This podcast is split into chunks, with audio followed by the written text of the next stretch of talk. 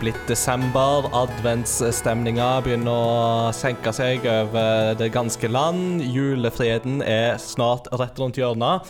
Og vi vet alle hva det betyr. Jo, da kommer kvelden der vi kan si Og vi spiser fredet fugl.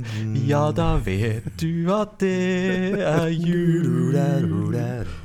Fag- og prestebukk Og med falske dødsbudskap. Det er helt fantastisk. Altså, men Hver gang jeg hører Ylvis sin julesang, da er det julestemning. Det er den eneste sangen nå som kan skape julestemning hos meg. Og jeg vet ikke hva det sier om min syke, egentlig. Men uh, det får så være. Uh, men uh, uansett, velkommen skal dere være til Crossover Gaming. on that note. velkommen, enten dette er første gang du hører på oss, eller 31. gang, for dette er da episode 31.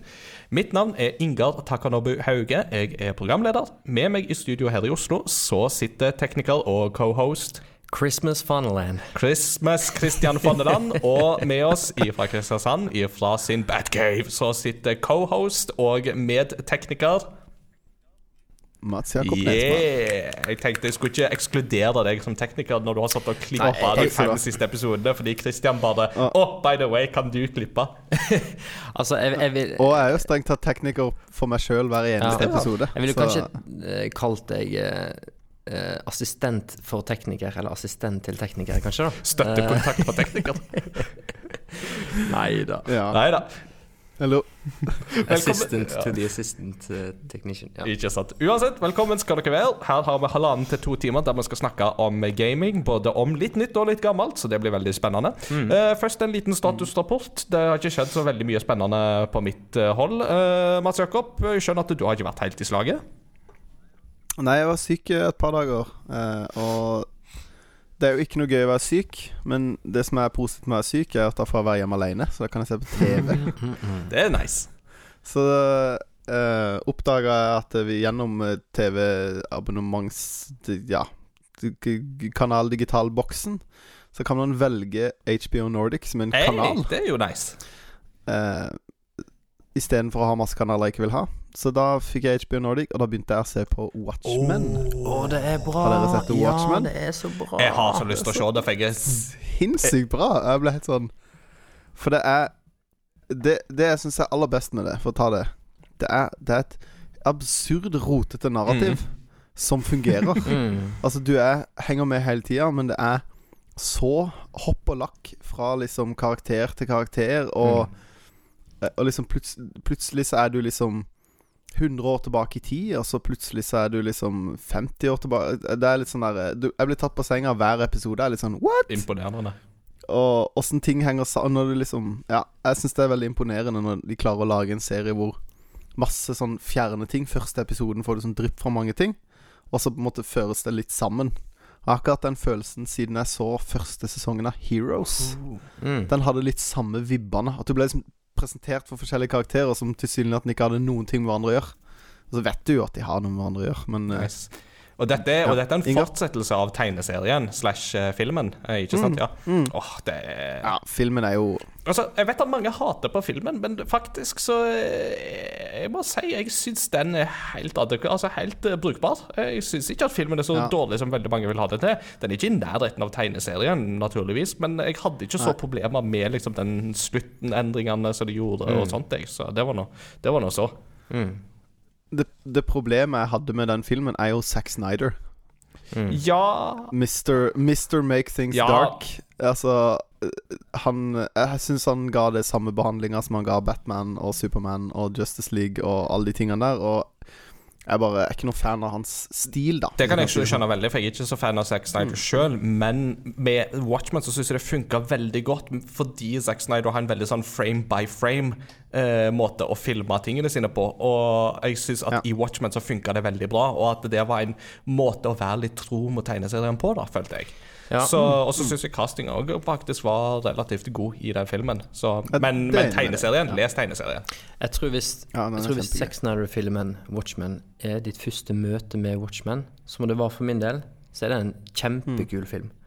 Men hvis du kommer med den episke eh, mesterverket som jeg har skjønt at den tegneserien er, Det er et sånn tidløst verk som veldig mange har med seg i sånne kåringer av de beste lyriske verkene. Ja, ja, og Um, helt, helt klart. Og for meg så gikk det jo den veien. Først film og så tegneserie. Ja. Selv om jeg var kjent med Alan Moore fra før. Så, Og av Alan Moore-serier så er jo dette helt klart liksom noe av det som er helt i toppen. Og det at Alan Moore skriver dystre ting, det er jo ikke så veldig overraskende, for det er jo mannen som bare hater alt. Nei, og, og det er jo et godt poeng, da. Hvis det, det er noen yngre lyttere der ute, så er, så er det her en, det er en voksen serie på Det- alle måter. Det er det.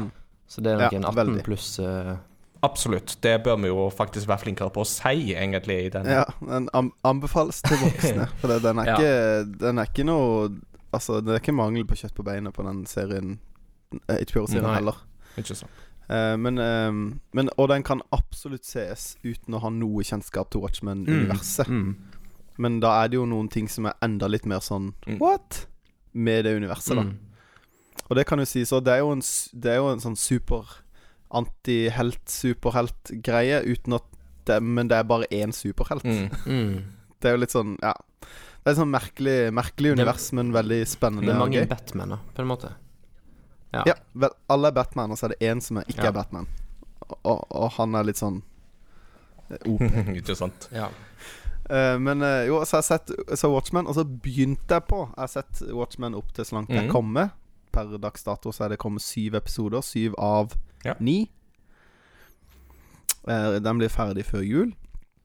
Og så begynte jeg å se på en annen HBO-serie som heter His Dark Materials. Riktig. Basert på bokserien til Philip Pullman. Ja, og det Jeg har jo ikke noe kjennskap til bokserien. Men eh, Så jeg har sett første to episodene og syns det er veldig spennende. De maler et veldig gøy Mm. bilde eh, av en sånn det, Jeg må vel kalle det dystopi, men de introduserer det med at det er liksom eh, Det er veldig lik vår verden, men det er noen ting som er veldig forskjellig. Og en av de tingene er blant annet at alles sjel Alle har en sjel som blir eh, legemgjort av et Mm. dyr Mm. som er en sånn companion, og alle mennesker har en sånn dyrecompanion som prater. Ja, jeg, eh, jeg har jo faktisk lest eh, bøkene sånn back i, Ja, i sin tid. Um, og jeg syns jo det at uh, begynner, altså Særlig første boka syns jeg er en spennende, god verden og sånt. Men jeg, jeg er blant de som er litt mer tilbakeholden på Pullman sine bøker. Og uten å spoile for masse, og sånt, så er det jo det at Pullman har en veldig sånn Han har et veldig ateistisk verdensbilde. Og i særlig tredje boka så blir han veldig sånn polemisk i litt sånn skrivemåten sin. og at det, han, han begynner på en måte å anse seg selv som en slags ateismens svar på C.S. Lewis. Uh, og det i, Ja. for, i og for seg så er ikke det et problem. Det kan jeg godta. Det har ikke jeg store problemer med, selv om jeg kan bli litt lei av at uh, kirka er bad guys, uh, kirka hater vitenskap. Uh, den approachen der kan jeg Jeg jeg er jo litt lei av den approachen, for jeg syns ikke den treffer så veldig godt.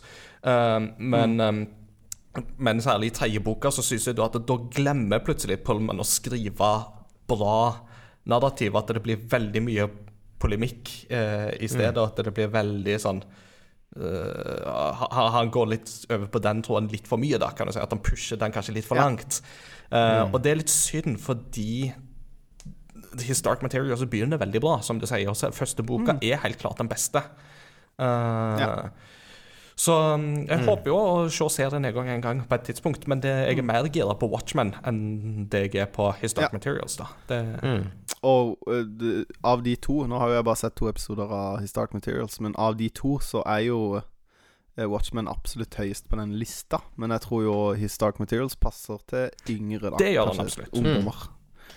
Eh, Det er ikke en voksenserie. Den uh, har en veldig sånn leken Første episode minner meg på en måte litt om eh, eh, første halvtimen av Ringenes Mm. herre. Men litt sånn det er veldig frodig og grønt, og du blir presentert for en spennende verden og en litt sånn naiv, eventyrlysten hovedperson. Mm. Eh, så det syns jeg, synes Ja. jeg var kjempegøy. Men jeg, så er jeg spent på å se Ja. fortsettelsen, og så gleder jeg meg veldig til slutten Ja. Og jeg, er jo, Oh, yeah. um, jeg syns jo det er bra at fans av serien endelig får en avslutning, fordi at du hadde jo filmen uh, basert på den første boka. The Golden Compass kom jo i 2007, og det skulle jo være en sånn der, uh, post-Harry Potter-bølgen. Så var det sånn Nå skal vi bli den neste Harry Potter-greia, og sånt. Og så ble det jo bare med den første filmen, fordi den floppa. Ja, og den filmen var jo ikke Nei, den var sånn helt midt på treet, men den var ikke noe mer enn det. Uh, Men Eragon, derimot, Den var bra. Into the sky to win or die. Ah, takk, takk for meg. Så Nice. eh, Men ja, det, det var en god TV-serie-catch-up. eh, og ble en sånn bonusanbefaling. Eh, Ja, det var, det var ikke meninga å kuppe den Det- sånn de første ti det går helt fint. vet Du kommer tilbake med en annen anbefaling senere. Eh, men Kristian, Christian, du har eh, jo òg Du har ikke vært syk. Du har jo derimot eh, vært oppe hele natta. Ja, altså um, Begge helgene siden forrige innspilling har vært ganske stappa. Den første helgen, da var det turné med bandet som har gitt ut plata. Yeah. Camilla Lu. Check Check it out. Check it out. Shout out! Uh, og, så da var det fullspilling den helgen. Og lite søvn den helgen òg, egentlig. Seint i seng og tidlig opp for å kjøre langt til neste by du skal spille i. Eh, og helga etterpå, eller langhelga etterpå, fra torsdag til søndag, så var det òg en tur eh, hvor jeg skulle gjøre noe som jeg aldri har gjort før i livet, eh, som var jobbrelatert. Og da var stikka på et profesjonelt LAN. Hey. Så da eh, tok jeg og min kollega og samla klassen. Stapp, eh, stapp oss inn i en eh, Vi hyrer en charterbuss. Det sto charter på sida på han, så det var en charterbuss. Fulgte han med gamingstoler, PC-rigger og eh, klær, overnatting, alt sånn. Kjørte til Sverige, stoppa og handla i Svinesund. Handla Harry. handling der. Litt godteri og litt brus. Og litt energidrink må jo til på et LAN-party. Ja, ja, ja. Og så kjørte vi til Jönköping, heit- uttaler du det, tror jeg. Mm. Eh, og det er da i Sverige. Og der er det verdens største LAN-party som heter Dreamhack. Dreamhack! Yes. Kult. Ja, så da kom vi ned torsdag kveld og reiste søndag formiddag. Og knuste alt som heter døgnrytme den, på den turen der. Men der var jo det på en måte litt av, litt av poenget òg. Henge oppe litt lenger med, med elever. uh, og ja Smake litt på det der LAN-livet. Litt den, den kulturbiten av eh, gamingverden, da. Mm. Og det var, mm. Det var uh, veldig kjekt. Um, uh, og jeg tenkte for min egen del at eh, jeg skal klare å holde en ok døgnrytme den helga her. Og så var jeg så smart at jeg Det var jo Black Friday-veka, det her. Så var jeg så smart at jeg tenkte ja, Civilization 6, det er jo på tilbud. Det er jo kult. Ja. Så da Da eh, kjøpte jeg Civilization 6, lasta det ned. Og så skulle kollegaen min, Andreas Ruud, som har vært tidligere gjest her Andreas! eh, Vi tenkte ja, vi kjører i gang et game. Og så var det en elev også som hadde det spillet her, da. Fikk med den eleven òg på et game. Og så er jo Civilization 6 Det er jo det her strategispillet som er turbasert. Mhm. Og hvor én tur går veldig fort, og det er ganske mye som, som du kan ofte gjøre på en tur. Og det er et veldig sånn tilfredsstillende progresjonssystem i måten du erobrer kartet på og eh, oppgradere byen din. Og ja, du, du blir ikke så stressa av det spillet. Det er veldig sånn kosespill i strategiverden. Det, det er ikke avhengig av at du er effektiv og har et høyt tempo. Jeg spilte det mye. eh, Jeg spilte Civilization 4 mye da jeg studerte. Ja, fireren er det mange som har eh, langt der oppe. Og eh, femmeren har jeg jo spilt en del, og er kjekt. Sekseren har en nydelig grafisk stil, hvor um, det er litt sånn Tune-aktig, eller litt sånn Det føles mer De går ikke for en realisme, men mer for en 3D-animasjon, på en måte. da Litt sånn Pixar-aktig følelse på karakterer og bygninger. Og den delen av kartet som du ennå ikke har utforska, ser på en måte ut som et gammelt sånn brunt eh, sjørøverkart, på en måte, da. Og når kult. du, når du går og liksom utforsker mer, så bare kommer liksom fargene inn, og det, det ser jo helt nydelig ut. Men Mm. Civilization er jo kjent for den her OK, bare én tur til. Tur Just til. one Ja. more Ja. turn. Og her si kommer jeg til det her og knuser døgnrytme. For det at fredag kveld så lasta jeg ned det spillet her. Det var kjempebra nett på DreamX, så det gikk jo kjempefort. Starter med et game, og så velger vi liksom størrelse på kartet. Velger vi lite. Vi kjører bare to teams, sånn at det her skal gå relativt fort. Enkel vanskelighetsgrad. Og så sitter vi og gamer. Og så ser jeg opp i høyre hjørne i spillevinduet, for der kan du se hva den faktiske klokka er. Og så ser jeg at klokka viser 0510. Og, og så tenker jeg bare Første tanken jeg får, er det her er jeg for gammel til. Det her kommer jeg til å slite med seinere. Og så bare sier jeg sorry, folkens, men vi er nødt til å gå og legge oss. Og så var det å gå og legge seg. Tvinge seg opp tidlig dagen etterpå for å bare ikke tape døgnrytmen. Og så kjenner jeg fortsatt i dag at jeg gjorde akkurat det der. og det, nå, er vi, nå er vi altså seks dager etterpå. Du kjenner til det der klassiske memet med 'Just gonna play one more game before I go to bed'. Is that the sun? Og det første jeg tenkte du bare Ja, tenk skal prøve å oppholde døgnrytma. Kjøpt Civilization. Hæ? Det, det er sånn. Det, det, er ikke ofte, det, det er ikke ofte med erte slash mobbe folk i denne podkasten, men akkurat nå Kristian, så tillater jeg meg å si 'hva tenkte du på', din noob? Ja, det var Det er fullt lov. Men det var, det var sånn- veldig, veldig kjekt. Does not compute. Does not compute. Men, uh, men ja. Civilization 6 ble gama en del den, uh, på det LAN-partyet. Men allerede torsdagen, når vi hadde liksom eh, Sånn som Dreamhack er liksom satt opp, så er det flere forskjellige saler. Og så er det en hovedsal. Der er liksom hovedscenen, og der er det mest lyd. Og der er det liksom billigst å ha sete, for det er ikke en sånn Du har litt dårlig plass, og det er ikke stille. Det er ganske mye lyd der, og ofte prøver du å sitte og game mens det er rave-party 30 meter ved siden av. Og, det er jo ganske slitsomt, da. Men, eh, men det som var litt kult, var at eh, på Dreamhack så eh, er det òg et slags sånn For de som kjenner til SpillExpo, så er det òg en sånn Expo-del Ja. hvor det er, er spillselskap som viser kommende spill, eller Komplett hadde en stand, Ja. Intel Det er jo kult. Eh, ja, veldig mye stilig der. Og så var det òg en avdeling for eh, studenter som drev og lagde spill. De hadde en sånn liten expo. Men et, eh, et lite studio som fatta min interesse, eh, var ikke på den expo-delen. Men de satt i den her hovedsalen.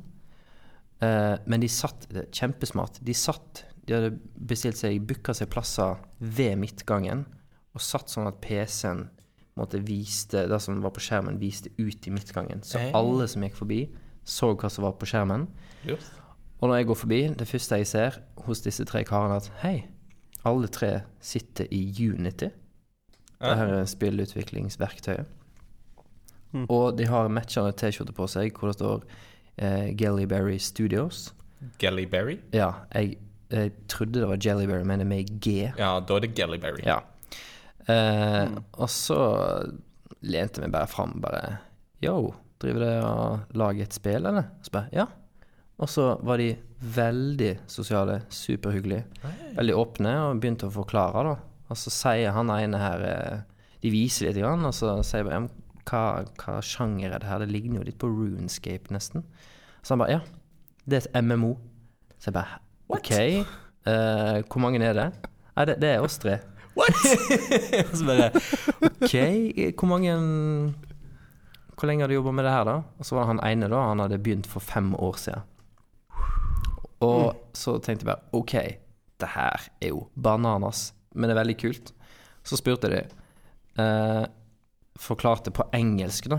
For at eh, jeg tror for en svenske med litt sånn skånedialekt er allerede vanskelig for meg å forstå, og for deg å forstå vestlandsdialekt er jo kanskje litt sånn, ja, krasj. Spurte jeg om eh, Eller forklarte at jeg drev en podkast Mhm. i Norge som handler om spill. Og kan jeg få intervjue dere i morgen i eh, et stille lokale? Og det er bare Ja, ja, selvfølgelig. Så folkens, Mm. her kommer da intervju. Eh, Ti minutters intervju av Gellyberry Studios. hvor eh, de forteller om sitt indie-MMO The Blocky Ages. La oss høre om The Blocky Ages. Hi everyone, welcome to this uh, travel uh, sort of episode. This is uh, reporting to you uh, live-ish from uh, DreamHack in Sweden. So um, I have the uh, honor to meet a couple of indie developers here at DreamHack. Uh, three guys from the company called Jellyberry Studios, who has uh, taken on the sort of impossible task of being three guys making an MMORPG. Is that correct? Yeah. Yeah. Yeah. okay, so first of all, could we just take a round of introduction? Uh, what's your name? What's uh, is this your job? Is yeah, Okay, so uh, my name is Robin. yeah. Uh, I am hi. I am the uh, lead programmer or coder, uh, and I started this project uh, about five years ago when I first did a prototype of a 2D game. That's that's yeah, that's it. Yeah, my name is Max, and I'm the level designer, sort Yeah. of. Uh, I make most of the world and yeah, everything in it, pretty much. So, and I've been with the you for about two and a half years, something like that. So, Yeah. uh, I got I got in a he needed some help. Yeah, there, he yeah. needed some help because he couldn't do everything himself. So, Yeah. and I uh, have the interest, so we started to work together. Cool. Yeah. Cool. Uh, I'm Eric, and um, I'm the narrative designer. I joined about uh, half a year ago, I think. Yeah. Uh, structuring up uh, the story. We didn't, there wasn't much, so I structured it for yeah for us. Yeah. Um, and for most of us, we we have we have full time full time jobs by the side so that we do, and we do this when we get the time. Like DreamHack. Yeah, Yeah. really, Yeah. yeah, For, perfect for three days just working. Yeah. No interruptions. Oh, no yeah. obligations. Ah, sorry that I interrupted you uh, yesterday. Yeah, yeah, this. yeah. No problem, no problem. no, no. That's actually welcome. It, the the people that have come by have been have been very positive and been Yeah. interested in what we were doing. So Yeah. Very good feedback. yeah, Yes. more than we thought. Actually, we were, we were thinking that uh, probably no one's going to come here, and and now we got this interview as well. So Yeah. it's shocking, but There are other other developers here, but they have sort of this uh, stand uh, Yeah. at, at this tiny hall where they show off their game. yeah, But you have to walk a specific path just to get uh, just Yeah. to pass by. Uh, but I think what you guys are doing is pretty smart. You just yeah. We took a strategic place. yeah, you just sit in the middle of all Yeah. the entire land party and just start. Yeah, we have the big space behind Yes. us, so Yeah. m- Yeah. more people can walk by and Yeah. And main they- stage. Yeah, and they see Yeah. the coding, they see uh, someone making making the world, and someone sitting with uh, something else, and they get. It can trigger different people in different ways. Like you Yeah. have someone coming like, "Oh, what are you coding in C plus or Yeah. Yeah. what's happening?" Cool. Uh, so it's working. Yeah. Cool. So uh, you guys are Jellyberry Studios. yeah, And Jellyberry Studios is three guys. yeah. Yes. Yeah. Just us. Uh, and um, and uh, what's uh, what are you guys making right now? I just sort of uh, teased it at the start there. Yeah, um, so we're making um, an MMORPG uh, on three people. Yes. but kind of inspired by the old school MMORPGs Yeah. that So- we felt were kind of lacking yeah, because we couldn't find a game that we suited us Okay. um, with the hardcore style of, of death penalties and yeah. yeah. Yeah. So Uh, uh, a quick glance. Uh, RuneScape springs Yeah. to mind. Is Yes. that a, is that an uh, an important? Um, uh, That is one of the inspirations. Yes. Yeah, inspiration was Yes. the word I was looking for. Yeah, yeah, yeah. that It's the same in English and, and Norwegian, so I should remember. Yeah. Yeah, RuneScape and Tibia. and Tibia, yeah. I, Yeah, I guess cool. more Tibia. Yeah. Because Okay. we played more Tibia. yeah, Yeah, But the- RuneScape is kind the of two of them. I played more RuneScape. Yeah. Yeah. yeah. so You still play those original uh, games? Uh, when we actually made the studio, when we said, said uh, to ourselves when we got our, the three of us, and we said, okay, now we're, we're, we're gonna go all in on this. So I started playing TV again and see what they had done, and the differences they made. Where they're at now is not where we want to be. So it's more of the, the old school uh, Tibia where it was Yeah. before. Okay. Uh, we're drawing inspiration from. Yeah. Where they are now, I think it's gotten uh, a little bit bit more uh, casual. easy- oh, casual, yeah. Yeah. It's been patched in a Yeah. direction that you don't like. Yeah, now Yeah. you can just No. buy everything pretty much. Also, Ah, okay. But that's the curse for all games. The longer they exist, the more they try to get the bigger audience and pander Yeah. to more people Yeah. instead of the niche. Yeah. So, um, okay, uh, narrative designer, programmer, level designer. Yeah. Uh, how did you learn this this this tool of making video games? Well, basically, I knew the coding before, so um, I just started making prototypes of games, and I liked making games. I didn't, I never published a game, but it was just fun. And then we had Unity, uh, which is a great tool for people who don't really know where to start. Yeah. So there, you, I started with tutorials, and yeah, that's the path.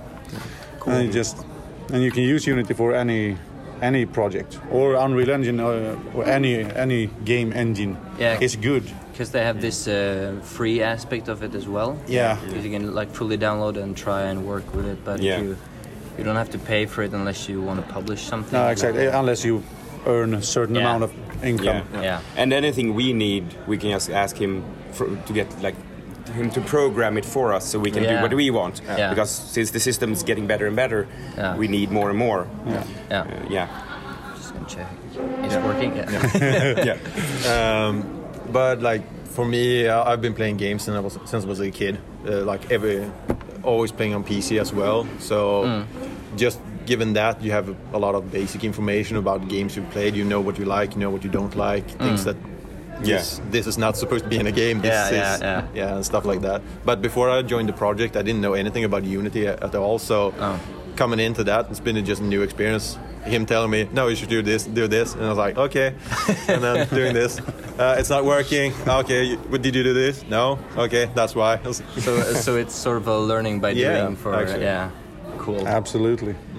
So, um, is how do you uh, how do you see uh, the next couple of years? Uh, do you have a release date or a official beta test, or is it possible to test the game now? It's actually yeah, you can test it now. It's Yeah. in a very early preview state, Yeah. so it's yeah, But this- crashing and stuff. But you can see the how it looks Yeah. and how it feels to just move around, killing Yeah. some monsters, doing quests. So you can basically play through the entire first part of the story. yeah, So where the player begins, cool. and uh, yeah, it's Yeah, so working. A, a few hours of gameplay. yeah, Yeah. And uh, this iteration of the game that we're at now is the the version that we feel comfortable that represents what the final product should be. yeah. So, so it's, it's not too early in the process. no, or- I think we've gotten Yeah. gotten yeah. comfortable where we are. Like, Yeah. sure, we want to use our own uh, uh, graphics and all that. Now Yeah. it's Yeah. just bought from the the asset store. Okay. Yeah. So that's how we like so so we can represent ours. Uh, like, Yeah. Get the the theme, like everything's in cohesion and. There's not a, you, you get a bow and it's not exactly the same as the, the armor type so that it's it, yeah it doesn't look really Yeah, sort of a properly mismatch yeah, there, yeah it's yeah. a little bit mismatch so uh, UI designer graphic designer is uh, what we lack yeah. Yeah. at the moment because we don't really have the time to learn it ourselves since we're doing all the other yeah, yeah. things But but do do the assets uh, that are in the game right now represent the style of the yeah game? yeah yeah, yeah Absolutely, definitely, yeah. That's what we're as close doing. as we can get yeah Yeah. we we picked them because they fit. Yeah. Yeah. No, so Cool. So, if any of the listeners want to check out the game, Yeah. how do they move forward? They, uh, there's actually a link on uh, back here where they go to our webpage and uh, there, there, it's uh, they can just download the launcher. Yeah, so Yeah. www.blockyages.com or uh, Jellyberry Studios. Yeah. dot com. Uh, dot com.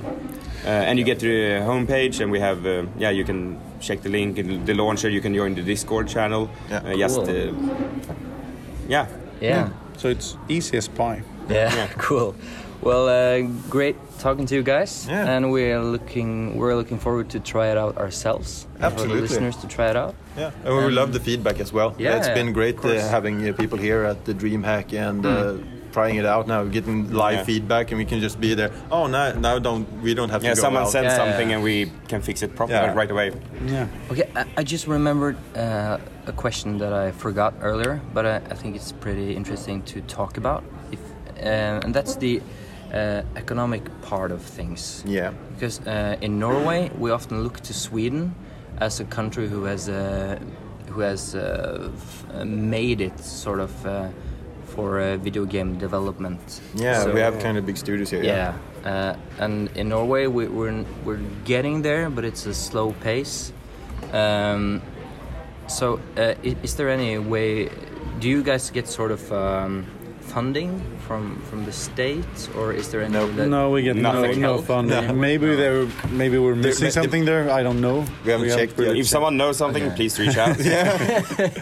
But no, we, we we work without any finance. yeah, yeah, yeah. Yeah. Okay. So the assets that we bought is from our own pockets. Yes. Yeah. For now, Yeah. at least. Yeah. Yeah. But we're try we're figuring out we Looking into like uh, stuff like uh, prob- uh, for for the future, like Kickstarter and Yeah. stuff like that. Uh, but um, We- we'll see where it goes. yeah we we don't want to put out the Kickstarter is often very yeah just prototypes. Yeah. Yeah, we yeah, want yeah. to have we al- almost have an A finished product. Yeah, Yeah. an A real early product. product. Yeah. It's not Yeah. just a prototype anymore. So No, it's more. Uh, it's more uh, closer to a beta. yeah, Yeah, we just need to add more content. Yeah. yeah, Yeah. Get the time to do that. yeah. So More, more, more, more, more time. Yeah, than so there's no. anything. Uh, I don't think there's really anything special in Sweden except that it's it's a big culture of it. Yeah, yeah. yeah. I think that helps. Yeah. Nice. Okay. Uh, thanks, guys. Yeah, thank, Thank you very you. much. Thank you very much. For uh, this interview. All right. Back to the studio.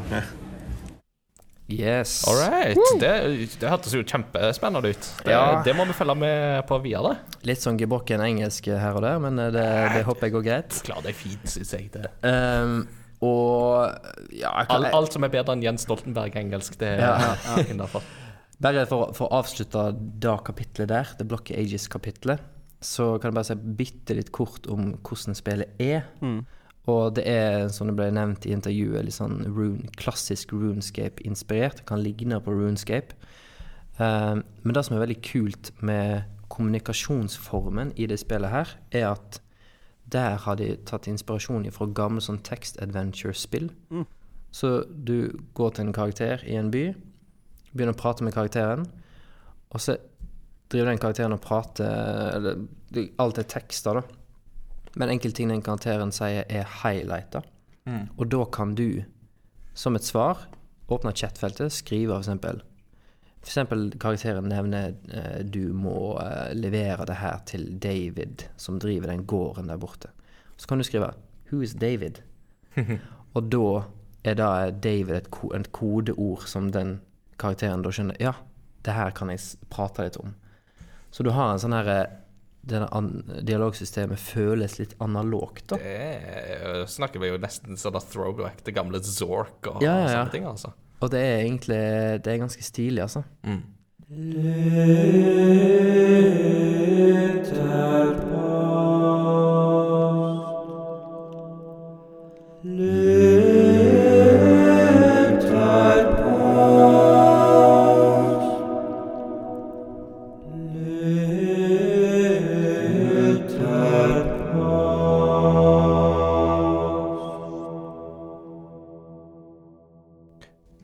Folkens, jeg vet ikke om dere har tenkt så veldig mye over det, men vi nærmer oss slutten ikke bare på året, men på et helt tiår. Eh, og det gir jo muligheter for å stille noen interessante spørsmål om tiåret som har gått. Eksempel, hva er de beste spillene vi har fått servert i 2010-tallet? Eller 2010-tallet, om du vil. Det er vanskelig å si det der. Det er vanskelig å bestemme. Ja. det ene eller andre. Men folkens, hva er de beste spillene de siste ti årene? Det har vi spurt lytterne om, så premisset der er jo da selvsagt 2010 til 2019. Hva spill er de beste? Eh, da har vi spurt lytterne våre på vår Facebook-side. Uh, hvis du ikke har likt den allerede, så må du gjerne gjøre det. Da kan du få oppdateringer om lytterpost og noen fine andre nyheter og saker og ting. Uh, så sjekk gjerne det ut. Så jeg kan ta og så begynne med mm, Skal vi ta lytterne sine svar først, og så kan vi gå Ja. til våre egne etterpå? Ja. Ja, la oss gjøre det. Ja. Uh, jeg skal begynne med en uh, liten eh, kort uh, en fra Michael eh, Breien, som eh, er en kollega av meg i Game Reactor, og som har podkasten Jump, spiller litt til. Så sjekk gjerne den òg ut hvis dere har lyst på mer eh, spillrelaterte podkaster. Men Michael skriver da Bloodborne, Persona 5, Breath of the Wild, det er altså Zelda, The Last of Us, for å nevne For mange å nevne. Eller for å nevne mange, skal det stå, tror jeg. Så den lista ligger ganske nær min egen, så Michael og meg må ha god smak. Cool.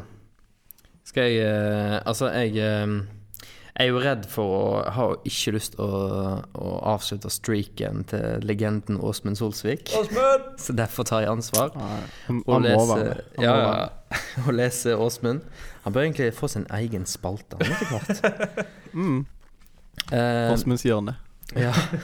Åsmund svarer da For meg vil nok Dark Souls 1 være på topp av de beste spillene de siste ti år.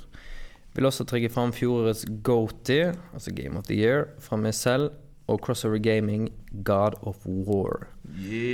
La oss håpe at de neste ti årene blir minst like bra. Og hele menigheten svarte amen. Mm, mm, mm. Amen. Andreas Ruud har skrevet Dette er kanskje helt i grenseland, men da tiårsmarkeringen for dette spillet var nå i høst, så drister jeg meg til å si det. League of Legends. Det var kanskje ikke så stor bombe som kom fra han. Eh, spillet når ikke opp på noen topplister pga. grafikk eller gameplay, men den rollen spillet og utvikleren Riot Games har hatt i profesjonaliseringen av e-sport i Vesten, er massiv. Mm. Ja, det er artig å se klipp fra første VM eh, i gåseøyne eh, i league, men det tok ikke lang tid før produksjonen, castingen og hele pakka nådde et særdeles høyt nivå. Sammenligner man League sine sendinger nå med f.eks. Dota, så mener jeg, det er League i, mener jeg League i stor grad er spillet å strekke seg etter når det kommer til e-sportproduksjon. Det er faktisk Det er ikke en helt side av den saken jeg har tenkt så mye på. Det er helt uh, riktig det som Andreas skriver der, at uh, for e-sportmarkedet i dag så har League of Legends hatt en ufattelig stor betydning. Mm. Så selv om det teknisk sett er 2009-spill, så har påvirkningskrafta fra League of Legends det siste tiåret vært ubestridelig. Mm. Mm. Ja, jeg syns det er innafor. Det er jo Ja. ja. Ja da, så det er absolutt innafor. Det, Godkjent. det, det er ikke strenge regler på, på, på det. det Stamp of approval. Neida. Eh, jeg har fått en eh, privatmelding fra Kjetil Austad Endal, så han skriver svaret på lytterposten. Da har han skrevet tre spill. Dark Souls. Selv om Bloodborne blir stående som min FromSoft-favoritt, så var det Dark Souls som åpnet ballet. Det vil si, noen var forberedt på å dø allerede i 2009, da Demon's Souls kom ut, men det var Dark Souls som gjorde serien kjent internasjonalt. Med Dark Souls skapte Framsoft en ny spillsjanger. Nå snakker man om Souls-like-spill, og det er tydelig at Dark Souls er utgangspunktet.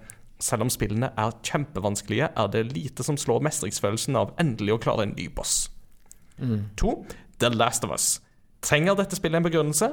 Egentlig ikke. Spillet er perfekt. Både grafikken, historien, musikken og gameplayet er makeløst. Oh, the feels. Nummer tre, Overwatch. Etter så mange timer sammen i dette spillet, så er det vel med meg da, altså, så er det liten tvil om at det er en stor favoritt. Jeg har ikke spilt et multiplayerspill så rutinemessig og trofast siden Counter-Strike kom i 2000. 16 år skulle det ta før et nytt FPS tok tronen. Ikke bare hos meg, men hos veldig mange andre også. Overwatch er fantastisk gjennomført med et rikt karaktergalleri, kule kart og spillmodig, og et stort sett velfungerende matchmaking-system, noe CS i alle år har slitt med å få til. Og ikke minst er Overwatch veldig lett å plukke opp, det er noob-friendly, men samtidig vanskelig å mestre. Godt sagt. Absolutt. Mm. Um, nå leser jeg eh, kommentarer fra to av mine beste venner her. Så nummer to, Martin Herfjord. Den eneste som har vært gjest to ganger, fortsatt. Martin! Ja. Martini Han åpner altså med Her kommer fasit. Den offisielle topp ti-lista over år, tiårets beste spill, ifølge meg. Uh, ok, så da er de lista her, da. På toppen The Witcher 3, Elder Scrolls Skyrim, God of War, The Last of Us, Zelda Breath of the Wild, Mario Kart 8, Hearthstone, Mass Effect 2, Journey og Rocket League. PS. Takk, Christian, for at du pusha på The Witcher og The Last of Us, selv om jeg var skeptisk i begynnelsen. Absolutt mesterverk innenfor sjangeren. Witcher 3 er kanskje det spillet jeg har klart å leve meg mest inn i. Hadde to uker fri i våres, og spilte det så mye at jeg brukte mer tid i The Continent enn in real life. Klarte også en av de vanskeligste platinum-trofeene på PS4. Samle alle Gwent-kort. Er meget takknemlig for at vi lever i en tid med så bra spill. Igjen svarte menigheten. Amen. Yes, og, eh, Men, og for de som husker første episoden Martin var med i, så var det jo Hearthstone vi snakka mest om, eller var en av hovedgreiene vi snakka om, om digitale kortspill, Ja, det var riktig. jo temaet. Mm, så da at uh, Martin falt pladask for Gwent, var ikke så veldig overraskende i Nei, det er sant. The Witcher. nei, kanskje ikke. Yes, en eh, litt kortere enn på slutten, men eh, Jon Edvard eh, skriver Breath of the Wild, ingen over, ingen ved siden av. Og den, eh, den vil jeg trekke fram, for det er jeg veldig enig i. Absolutt. Jon Edvard er jo co-host i Jump sammen med Michael, som jeg leste svaret til. Og, Ja, og en kollega av meg i Game Rector. Så eh, tilfeldig valgt, folkens, men denne gangen så ble det noen uh, tråder å trekke i Eller no, noen koblinger som der, for, for å si det sånn. Men ingen nepotisme uh, inn i bildet, for å si det sånn. Eh, men Ikke det helt. hva med oss, da. Hva med oss da, folkens? Uh, vil du begynne, Mats Jakob? Hva har du klart å tenke deg fram til hva spill ville du si er de beste for dette tiåret? Ja, jeg, jeg syns jo det er veldig vanskelig. For det første fordi ti år er veldig lenge å huske alle spill som kom ut de siste ti årene. Mm. Eh, men eh, de, de jeg kom på, er jo en Altså, jeg syns jo de siste ti årene har vi fått tre veldig bra Zelda-spill. Mm. Vi har også fått noen uh, som ikke vi skal nevne, men uh, Men uh, det var et visst 3D-spill som ikke var like gøy som alle de andre. Men uh, Breath of the Wild syns jo jeg det var helt fantastisk bra spill. Mm. Og jeg, men jeg syns jo Det er jo to helt forskjellige typer spill, men jeg syns jo Link Between Worlds som er da denne Ja. pseudo-oppfølgeren til A Link to the Past Mm. på 3DS, var veldig bra og gjorde mye gøy med en kjent verden Mm. og et kjent univers. Eh, og tok, brukte den 3D-mekanikken på en På en bra måte. Absolutt. Oi, Det var veldig gøy. Eh, så jeg syns at det var kjempebra. En høydere for 2D Zelda-spill. Mm. Mm. Eh, og så eh, Skyrim slukte jo noen timer når det kom. Så det er jo et vanvittig bra spill enda, og det er jo veldig gøy å lese. De har jo en lytter som titt og ofte nevner at han fremdeles sitter og spiller Skyrim mods. Eh, jeg husker ikke hvem det er. Er det Christer som spiller uh, Skyrim mods? Jeg tror det var Eirik som uh, nevnte noe om Skyrim. Det var mods Eirik som spilte det, ja, kommentarfeltet. Konge. Ja. Nei, men tidligere har jeg kommentert med liksom spill de ser fram til og sånn. Eh, Super Mario 3D World på Wii U. Mm. Må gi litt kjærlighet til Wii U-en. Jeg syns mm. det er et veldig bra Mario-spill. Veldig, veldig bra. Eh, Mario Odyssey også veldig bra, Mhm. men eh, jeg tror kanskje jeg likte 3D World bedre. Ja, Mm. ja det er Eh, flerspillerfaktoren. Så Ja, jeg syns det var Det spillet dro meg mer inn. mm. Det, det liksom det, det var på en måte Det spilte jeg fra start til slutt uten å liksom ha noen spill imellom. Mens Odyssey er sånn langsgående prosjekt for min del Mm. enda. Ja. Ja. Men da-. Tar jeg meg veldig god tid. Mm. Eh, og så har jeg skrevet Owlboy. Ja. Syns jeg er kjempebra. Norsk spill. Snakka masse om det i første kanskje ti episodene. Det det, var, det er liksom min eh, Assassin's Creed Odyssey. oh, it's coming, uh, it's coming. Nei. Oh, it's coming. Nei. Eh, nei, og så må jo Mario Kart 8 nevnes. Det er Mario Kart-spill over alle Mario Kart-spill. Absolutt. Det er jo ja, dødsbra. Ja, det hører hjemme på en toppliste, det, altså. Absolutt. Så det, var- det var en toppliste, men ikke sånn eh, Jeg har ikke satt meg ned og lest gjennom lister over spill som kom ut, så det er sikkert noen jeg har glemt, som jeg likte veldig godt. Mm. Ja, Christian? Mm. Kult.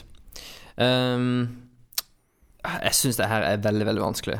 Det er liksom flere spill hvert år som jeg har liksom falt pladask for, da. Eh, Assassin's Creed Men eh,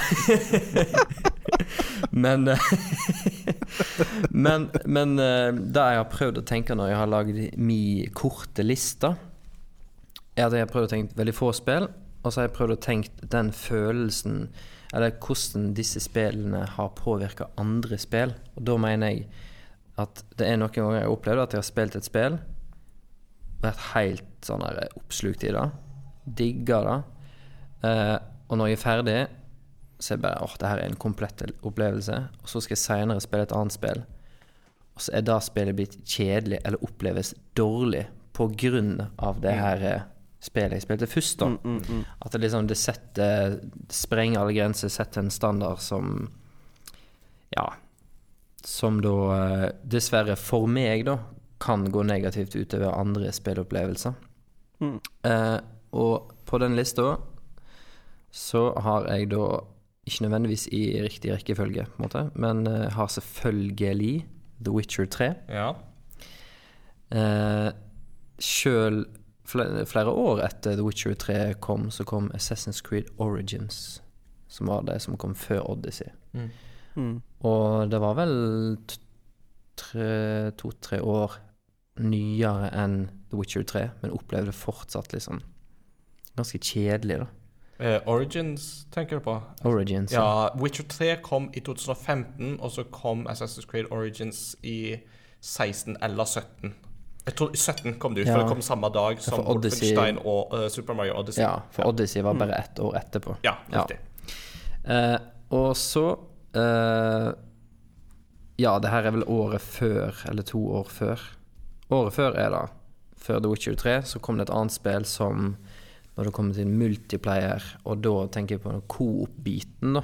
Ikke på PVP-biten nødvendigvis, men på coop-biten, som har hatt veldig masse å si for min del. Storkost meg. Jeg hadde et år hvor jeg bodde sammen med Martin Herfjord her i Oslo. Eh, siste året før jeg gifta meg. Og da eh, hadde vi hver vår PlayStation 4. Eller OK, long story short. Vi, vi flytta inn i hans bestemor sitt gamle hus. Og vegg i vegg med stua hadde hun et bibliotek. Og det biblioteket gjorde vi om til gamingrom. med full respekt for bestemor.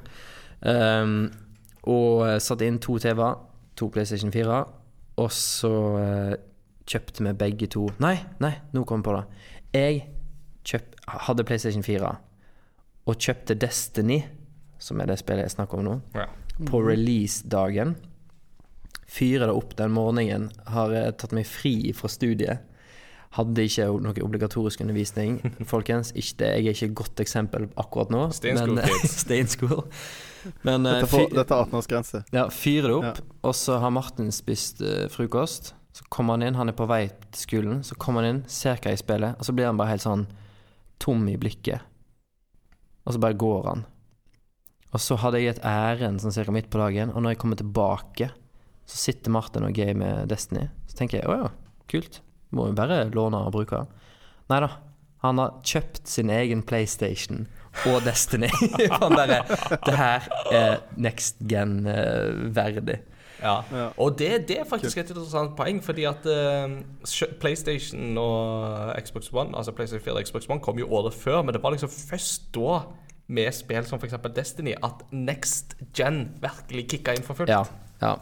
Så eh, ja, vi hadde utrolig masse kjekt men, uh, med det spillet der. Men jeg har valgt å ikke bare si Destiny 1, jeg har valgt å si Destiny Sagaen. Jeg har valgt å kalle det og liksom hele Destiny-pakken, da. Ja. Ja.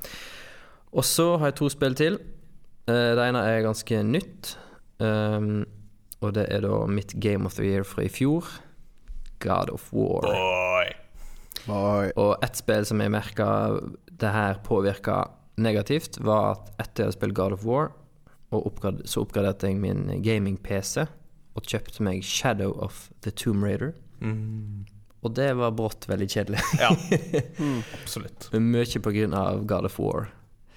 Eh, Og så kommer jeg til et spill som jeg alltid kommer tilbake til som en viktig del av Av uh, Ja, kanskje min personlige spillhistorikk, da. Når jeg spilte det spillet her, så skjønte jeg liksom at OK, spill kan være mer enn bare gameplay. Um, og kanskje det spillet som jeg har vært nærest det her gråte gråtebristepunktet og hatt liksom størst klump i halsen. Og det er det her spillet jeg har, jeg har vist den introen her til så mange venner, og til kona har jeg vist den introen her, som er, som er kjempesterk. Eh, og eh, et spill som fortsetter å gi og gi, både på gameplay-fronten og ikke minst historiefronten. Og det er selvfølgelig The Last of Us. Ja. Mm. Så ja da. All right. Min tur. Det var fasiten, Det, det var Martin. Fasiten, ja. Men jeg merker, at det er mange overlapp her, både Ja. med oss hverandre her og lytterne. Så enten Så har som en veldig homogen lytterskade, eller så er det virkelig noen spill som har utpekt seg. Ja. jeg. Jeg er spent på å høre de eh, listene. Um, jeg måtte sitte i en del timer og gå igjennom eh, litt sånn år for år. eh, sjekke litt topplister fra de forskjellige årene. Og prøve å liksom stimulere meg litt til liksom, hva var det som kom ut, hva var det som var bra. Sette på mine egne topplister for årene som har gått. Og har klart å koke det ned til sånn ca. ti spill. Eh, og jeg har liksom prøvd Jeg har rangert liksom topp fem, har jeg også rangert. Men for å ta de fem honorable mentions nederst først uh, Alboy måtte dessverre ryke til fordel for Shovel Knight. Eh, Fair. så, Fair. ja, fair enough. Ja. Um, Persona 5 er òg veldig høyt på den lista. Near Automata er veldig høyt på den lista. Ja. Uh, Overwatch kommer òg veldig høyt. Uh, og så er, var det jeg veldig stuss på om jeg skulle ha Portal 2 på topp 5 eller ikke. Men Portal 2 må liksom med på en topp 10, iallfall for Game of the Decade. Ok, nå er jeg veldig spent på hva din, din liste egentlig er. Når Ja, du har men jeg har menneskene. klart å koke det ned til mine topp fem spill. Ok, uh, og, og igjen, dette er ikke utrolig vanskelig. Jeg har, jeg har liksom masse spill fra årene som har gått som folk som vil ha liksom år for år. De får bare ta kontakt med meg. Så på femteplass så plasserte jeg The Last of Us. Mm. Eh, The Last of Us igjen, det trenger ikke noen introduksjon. Det er så bra, og jeg skal spille det igjen nå før toen kommer. Det gleder meg så sjukt. Selv om jeg egentlig mener at The Last of Us var perfekt som en standalone-tittel. enig. Veldig Så enig. jeg er litt spent på toen, for jeg trenger den egentlig ikke. Men jeg liker alt jeg ser og skal spille det. Jeg gleder meg kjempemasse. Nummer fire, Mass Effect 2. Uh, Mass Effect 2 kom i 2010 og er det siste ubestridt, ubestridbare um, eh, Hva skal du si, da? Det, det, det, er det, det er det siste BioWare-spillet som du kan si uten diskusjon det er kjempebra. Mesterverk. Det er et mesterverk. Mm. Etter det så begynner BioWare-perioden å gå nedover. Og det er litt interessant, for dette tiåret markerer liksom BioWare fra topp med Mass Effect 2 til bånn med Anthem. Uh, Så det er litt trist. Men uh, Mass Effect 2 er liksom the pinnacle av action-RPG for meg. Nummer tre, Journey. Ja. Fortsatt det der eh, spillet som man skal slenge i bordet hvis det skal liksom ha e-spill-kunst-diskusjonen. Ja, Journey. Eh, Og fortsatt, uh, hvis folk ikke har spilt det, bare spill det. Det er tilgjengelig for alle. Egentlig veldig lett å plukke opp. Nummer to, The Witcher Wild Hunt. Oh, Nei, The Witcher 3 er Wild Hunt. Eh, The Witcher 3 er gått inn som et av mine topp tre all time favorites. Eh, Kult. Men det kan bare være én på toppen, og det er jo da The Legend of Zelda Breath of the Wild. Som bikka ned Ocarina of Time som min all time favorite av alle spill noensinne. Breath of the Wild er fortsatt den som er på, da, på topp. Det er spillet som jeg tok meg ferie ei hel uke for uh, da Switch ble lansert. Fredag ettermiddag så gikk jeg opp Elkjøp, henta Switch og Breath of the Wild og spilte det ene og alene fra fredag til neste søndag. Og da var det sånn OK, jeg begynner på jobb igjen i morgen, nå må jeg gå og ta Ganon. Ja. Men uh, det her uh, Wii U-spillet som eh, Mats Jakob skaffa til deg, s- Dette er det Barbie-spillet, tenker du på? Ja, hvor er det på Barbie's lista. Puppy, Barbie and Friends Puppy Puppy Rescue. Puppy Rescue var det, ja.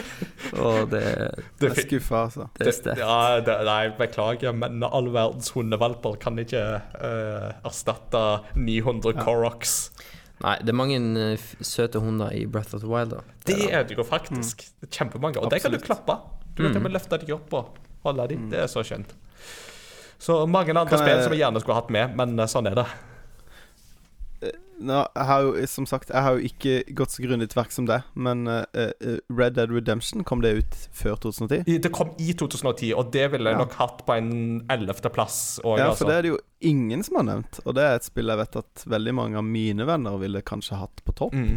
Jeg ville Mm. definitivt hatt det med på ei toppliste over de beste spillene for dette tiåret. Uh, men jeg hadde ikke klart å plassere det på topp ti. Det hadde jeg ikke. Nei. Og med det samme med f.eks. Dark Souls og Destiny og uh, Altså, de spillene der er jo òg sånne spill som jeg anerkjenner absolutt at de er utrolig gode og har definert tiåret og sånt, men det er bare spill som jeg aldri har klart å komme helt inn i. Eh, og det samme med Battle Royale-sjangeren òg, som er sånn Apex Legends er det jeg har klart å like. eh, men jeg kan ikke plassere det på min topp ti-liste. Eh, og man må jo anerkjenne Fortnite for det det er, selv om jeg vil jo på ingen måte si at det er en av mine favoritter. Liksom. Men at Nei. det har vært et definerende spill, det er det Det har vært et betydningsfullt spill, ja. ja, Utrolig, ja. altså. Hmm. Så det det, er ikke noe vi, Mm. vi driver på så mye på med. ja, så det er sånne ting som må nevnes. Uh, så det var våre topplister for uh, Game of the Decade. Kanskje vi kommer litt mer tilbake til det over uh, nyttår. Mm.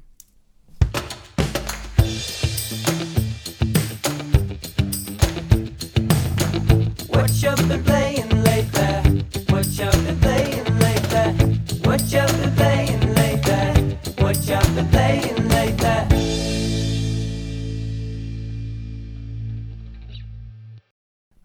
All right.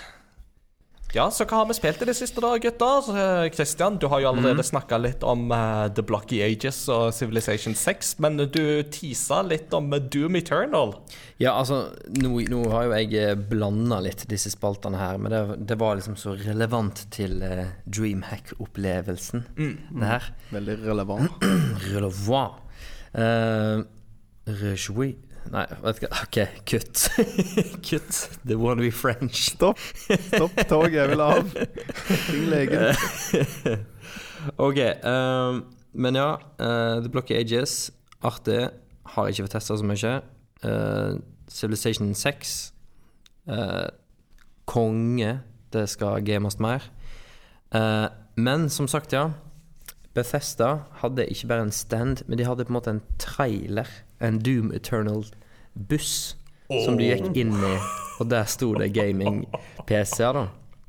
Som hadde en demoversjon av det her spillet kjørende. Og eh, for de av dere som har sett eh, traileren til Eller de trailerne eller gameplay-videoene som er blitt vist av Doom Eternal, så er det det samme vi fikk testa, da. Og da har du liksom den her scenen hvor eh, Doomguy, han som du spiller, han kommer liksom Han tar heisen ned, og så kommer han gående ut på et slags eh, kontor, eller en slags bridge, på en måte, da.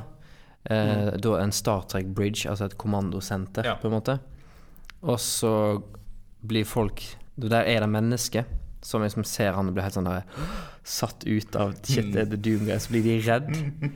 Og så har du den her scenen hvor du, liksom, du går sakte bort, og så er det en sånn her eh, scientist som sitter i en stol, som ser deg og blir livredd, og så går du bort og bare tar tak i nøkkelkortet som er rundt halsen hans. Drar i nøkkelkortet, sånn at du drar han scientisten på den her eh, stolen bort til der du skal bipe kortet. Bare helt sånn sakte og iskaldt, mens du ser ansiktet på han scientisten er livredd. Så biper du kortet, går gjennom en sånn her En sånn her bombedør. Eh, kommer ut i en ny gang. Der står to svære soldater, bevæpna soldater. Og begge to bare Hey, where do you think you're going? Og prøver å være litt sånn autoritære. Men de òg blir sånn I det du nærmer deg sakte og iskald, så blir jo de litt sånn øh, Livredde. Så bare går du sakte bort til den ene, og tar våpenet forsiktig ifra han, og så bare Og så er det ditt. og sånn starter demoen, da. Og så går det rett ut og bare starter den dansen. Den voldelige Den voldelige jazzballetten, og da går det som en dans. ja. og, og for de som har spilt uh, Doom 2016, eh, så, så har du den her mekanikken med at eh, du har en sånn, en sånn eh, eh, glory kill, en sånn quicktime-event-lignende greie. Altså når du skader en fiende så så masse, så kan du trykke på en slags Det er vel melee-knappen, på en måte, da.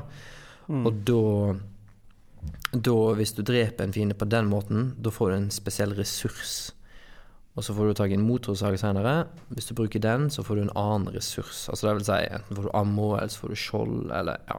Dette er sånn treårs aldersgrensespill, ikke sant? Det her er 18 års aldersgrense. Beware.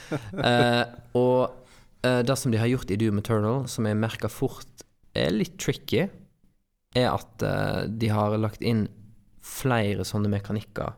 Ikke bare én til, men to eller tre til. Og plutselig så får du et ganske sånn intrikat eh, system at hvis du vil ha da, så må du ta en fiende på den måten. Vil du ha den ressursen?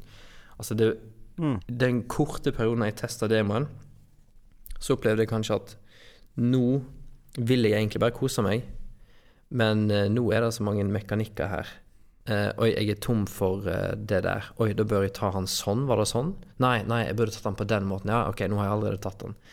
Og så blir, blir det kanskje litt rotete. Men, men det skal jo sies at når jeg spilte Demon, så blir du presentert med alle de fem me mekanikkene samtidig. Så ser jeg for meg kanskje i, i når spillet kommer ut, at det er mer en sånn trinnvis, at du lærer deg nye og nye mekanikker. Da. Ja. Jeg, jeg, jeg spilte jo Jeg begynte iallfall på 2016, Mm. og syns jo at det var litt sånn kjedelig. Altså, det var, det var litt sånn button mashing-aktig, syns jeg, da. Og du, det du forteller meg nå, får meg til å tenke litt mer sånn Oi, det var litt, litt dypere combat enn bare liksom eh, Skyt og løp bort og slå. Så fikk meg på en måte litt, litt mer interessert i det her enn det forrige. Og det er jo bra. Ja. eh, på bakgrunn av det. Men, eh, men jeg skjønner jo at det er frustrerende når du hopper inn og skal liksom bare ha full eh, Full forståelse for alle gameplay-elementene. Ja, men, eh, men stemningen og den der følelsen av at du er Doomguy og du er badass, er liksom et Det- nivå Det, opp. det, det er power fantasy på sitt Ja. aller beste, skrudd opp til 11 ganger 9000. Ja, for hvis, hvis det var i, skrudd opp til 11 i forrige spill, så er det skrudd opp til 12 her, da. Så det, det er veldig, veldig kult. Det er gøy. Men er det, det er ny musikk? For musikken er jo en høydere i det forrige spillet. Da vil jeg tippe, altså. Men at de går for samme komponisten som sist. jeg Det er samme, mer, av, mer av det samme.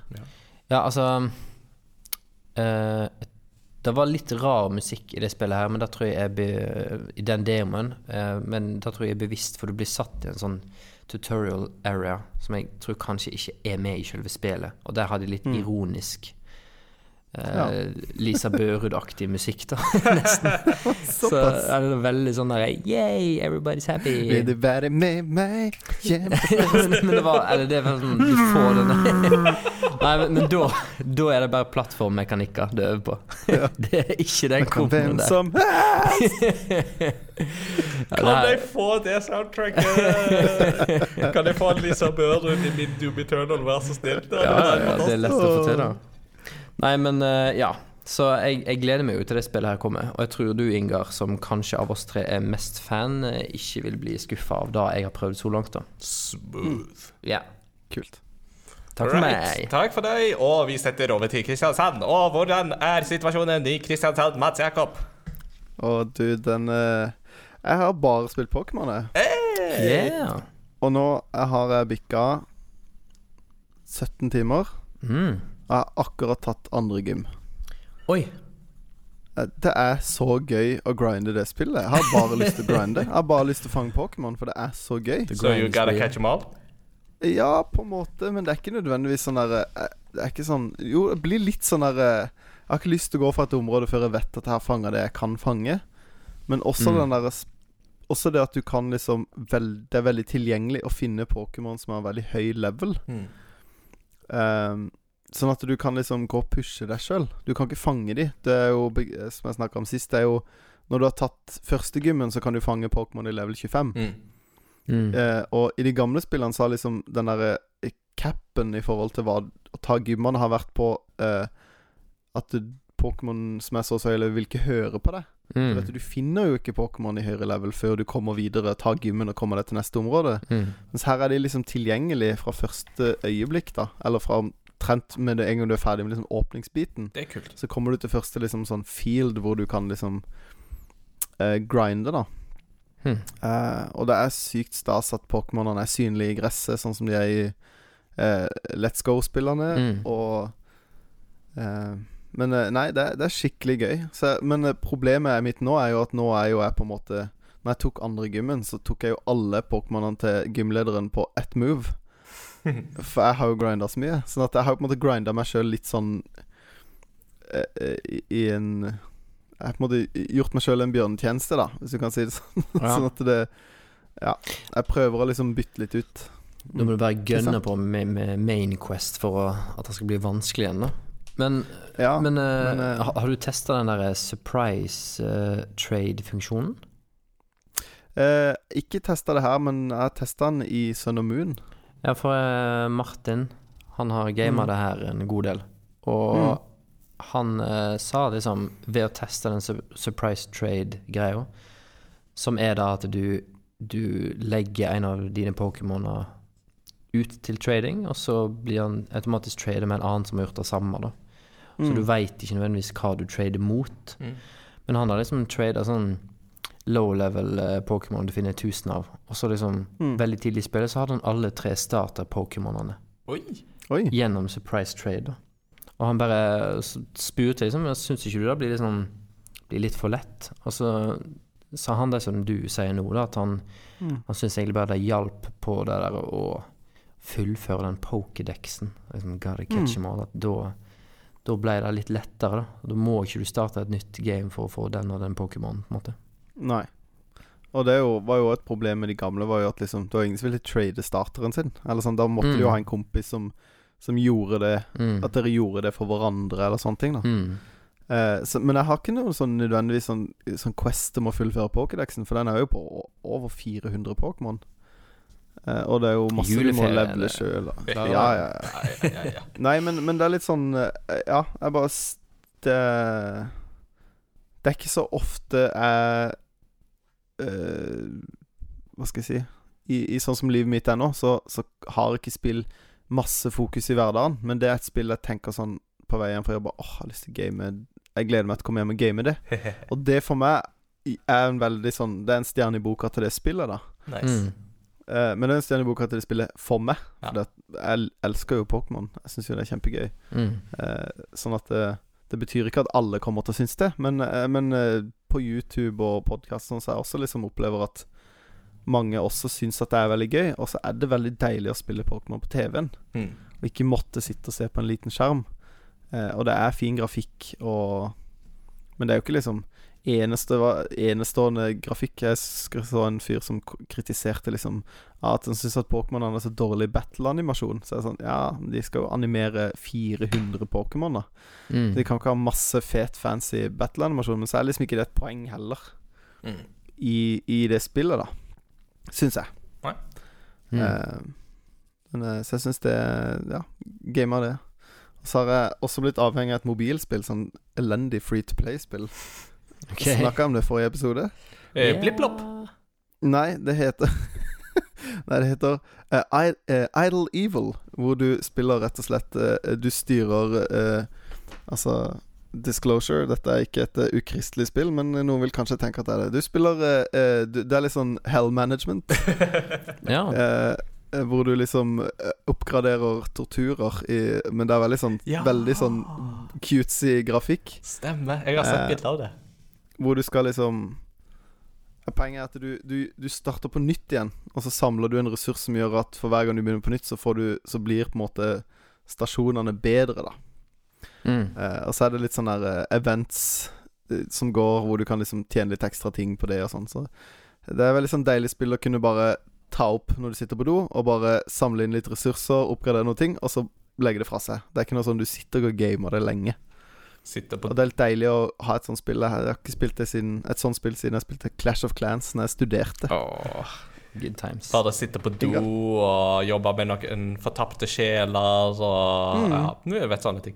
Men s- on that note, er det tilfeldigvis en egen sånn der avdeling der folk blir mata med donuts, akkurat som Homer blir i den ene Treehouse of Horror-episoden? ja, hvor han bare So you like Er umettelig. Ja, så han So you like donuts, eh? Have all the donuts in the world! Og så blir han jo tvangsfòret alle donuts, og han vil bare ha mer etterpå.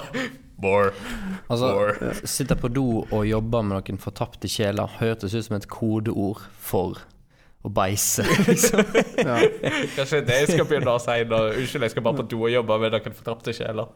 Uff, det bare Nei. Nei. Men det er veldig Hva skal jeg si, det høres kanskje verre ut enn det, men typ sånn Den ene torturen er at en fyr bare får et piano sluppet på seg om og om igjen. altså, det er Eller litt en som, en som ligger og blir sol... Ja, veldig cutesy. Ja. Så det er jo sånn derre En som ligger på en solseng og blir solbrent til evig tid, liksom. Eller uh, en fyr som blir mata med mais på en drill. Så de putter den inn i munnen og stabber drillen. Og så er det liksom Ja, det er ikke store ikoner, så det er ikke groteskt på noen måte, men det er jo hele liksom Tematikken er jo litt nesten bare litt vittig. Ja, Mm. Ja. det er jo det. Ja, eh, Ingar? jeg, jeg likte en del av det som sa om Pokémon, med at du var liksom hekta i å tenke på det, og at du var liksom veldig gøy bare på å grinde og gjøre ting og alt sånt. For veldig masse av det, det kan jeg si om Death Stranding. Ja. Nå hadde jeg endelig fått eh, begynt på det. Spilt den ca. 15 timer. Det er vel snart ferdig med episode 3. Jeg tror det er 14 episoder eller noe sånt i det spillet. Så det tar litt tid. Begynte, og litt av grunnen til at det tar tid, er at jeg brukte veldig mye tid i episode 2 bare på å grinde. Jeg gikk bare rundt og frakta alle pakker jeg kunne. Eh, f- f- da vi så den første gameplay-traileren for Death Stranding for sånn omtrent et år siden Jeg lurer på om det var her i podkasten òg at jeg sa det at jeg tror jeg endelig har skjønt hva Death Stranding er, sa jeg. Det er en postapokalyptisk postbudsimulator. Ja. Og jeg har helt rett. Jeg hadde helt rett. Det er akkurat det det er. Eh, Verden har gått av hengslene. Det har vært en uh, event der det skillet mellom de levende og de dødes verden er liksom mm, litt sånn brutt enkelte steder. Du har sånne spøkelser som vandrer rundt omkring, som de kaller for BTs. Og i dette samfunnet så styrer du da Sam Porter Bridges, spilt av Norman Reedus, han fra The Walking Dead. Uh, som reiser rundt og frakter pakker mellom de få sivilisasjonene som er igjen. Eh, og du, dette er jo en, blitt en fragmentert verden, så formålet er jo å knytte folk sammen igjen. Uh, det er jo derfor da Sam Porter Bridges jobber for selskapet Bridges, som uh, jobber for å knytte broer sammen med eh, eh, ja, og liksom på en måte skape et nytt USA igjen, da, mer eller mindre. Eh, og for å gjøre dette, så har jo da um, Altså Visse mennesker da har en sånn tilstand som gjør at de kan på en måte sanse BTs eh, bedre enn andre. Eh, og så I tillegg så er Norman Reedus, eller han Sam, er en såkalt repri-pran. Et eller annet sånn Han kan komme tilbake igjen hvis han dør. Så kan han på en måte komme tilbake igjen til, til livet og sånt. Og så med seg på denne ferden så har han jo denne babyen, denne tanken som du har sett, en såkalt BB. Eh, som jo er De trenger de for å sanse BTs og på en måte ja, se, se de landskapet. Og det er en sånn greie med BBs òg, som ikke skal avsløre altfor mye og sånt. Death Stranding er veldig Kojimaisk. Vi kan ikke si noe annet enn det. det er, hvis du noen gang har spilt et Battle Gear Solid-spill og tenkt at 'jeg skjønner ingenting av dette her', så vil ikke Death Stranding gjøre noen ting bedre. Jeg, for min del derimot, jeg har alltid digga den sida ved Kojima. Jeg liker det der med at han smører bare utrolig tjukt på med det han kan. Uh, og, no, og det er bare sånn, Han gjør ikke ting halvveis. Uh, og det er jeg egentlig veldig glad for, fordi at det skaper en helt særegen og unik opplevelse. Eh, Og Death Stranding, det er noe med hele tonen og stemninga og tematikken i spillet som er veldig nær, altså, og som er veldig artig. Um, det fortelles jo at Kojima har alltid slitt med denne følelsen av ensomhet. Og eh, han uh, er veldig bekymra for verdensutviklinga sånn som den er i dag. Eh, med at ting blir mer fragmenterte, og folk er på en måte mer i opposisjon mot hverandre. Så Death Stranding er jo egentlig på en måte hans kommentar mot dette med at man må komme sammen og bygge broer. Eh, og dette gjenspeiles jo også i spillmekanikken. For det er jo sånn at uh, når du går en plass, så begynner du jo å lage en sti, mer eller mindre, av dette. Og dette gjenspeiles i online, så det vil si at eh, alle som spiller Death Stranding, vil sette disse sporene, sånn at til slutt så vil det faktisk bli stier og veier og broer og alt mulig rart der folk har gått og kjørt og alt mulig rart. Så, og, der, og, og, og så kan du da selvsagt gi likes til folk som har bygga en bro, eller noe sånt, hvis det er en stige som er på en vanskelig plass, eller uh, et tau som henger i et vanskelig parti, så du, du kan klatre opp, så kan du gi det en like. Sånn at han plasserte det bare sånn Tusen takk, dette gjorde jobben min så mye lettere. Og det er noe med den der integrasjon, online-integrasjonen der som er så appellerende til meg, altså. Det er det.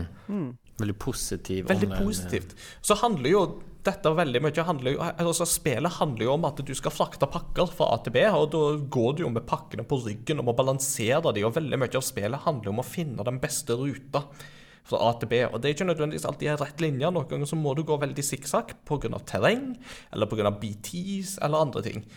Og det er noe utrolig tilfredsstillende med å finne de beste rutene og bare passe på at han Sam ikke mister balansen fordi at eh, du har lasta for masse på ryggen hans. Du må liksom plassere ting riktig på ryggen og sånt.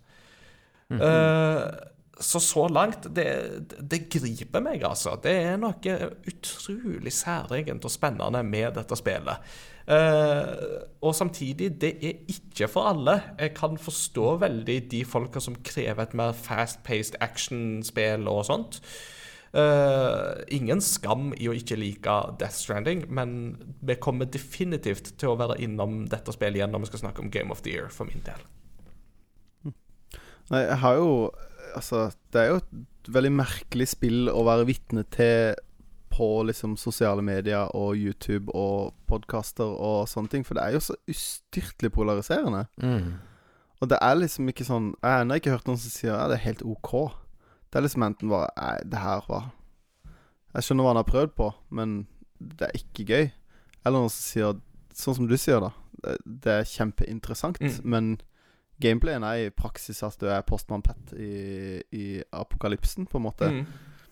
Uh, men det alle nevner, er jo Eller alle Det som går igjen, da, som folk sier er positivt, eller de skulle på en måte ønske Grunnen til at de har spilt, er uh, Hva skal jeg si Cutscenesene, da. Så den uh, Hva heter det? Det Filmsekvensene og Ja, filmsekvensene. Ja, det cinematiske mm. med det, da. Storytellinga i spillet, og at det er utrolig Den er utrolig interessant, og de cutscenesene er liksom kjempebra.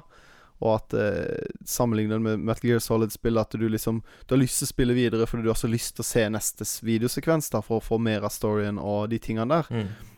Men at eh, i Death Stranding så blir på en måte mellompartiet blir for langt og for kjedelig for noen, da. Og at de på en måte skulle helst hatt en Death Stranding-film. Mm. Eh, og jeg har ikke spilt det sjøl, men eh, det er jo jeg ser jo med en gang at det er jo ikke et spill for meg. Men jeg syns storyen er utrolig interessant. Den er det, altså. Oh. Uh, før du får slippe til, så vil jeg bare også skyte inn at uh, mange kan jo anklage Kojima for å være veldig pretensiøs. Det har de nok på en måte litt rett i, men jeg syns han er pretensiøs på den rette måten. Det blir aldri sånn feilpretensiøs, sånn som David Cage sine spill blir. Eh, Sånn som Detroit og Heavy Rain og de der som bare er utrolig kleine og flaue og bare sånn Å, nå skal jeg være så dyp, uh, og så blir det bare teit. Kojima unngår å havne i den fella. Vær så Jeg, god. jeg burde bare sagt det her med en gang du sa det, Mats Jakob. Jeg burde bare brutt inn. Men du sa det er virkelig ikke et spill for meg. Jeg skal prøve å kansellere den julepakken som er på vei til deg. oh, du må jobbe med timinga di, Kristian. ja, nei, jeg skulle ikke avbryte. Men der kom han.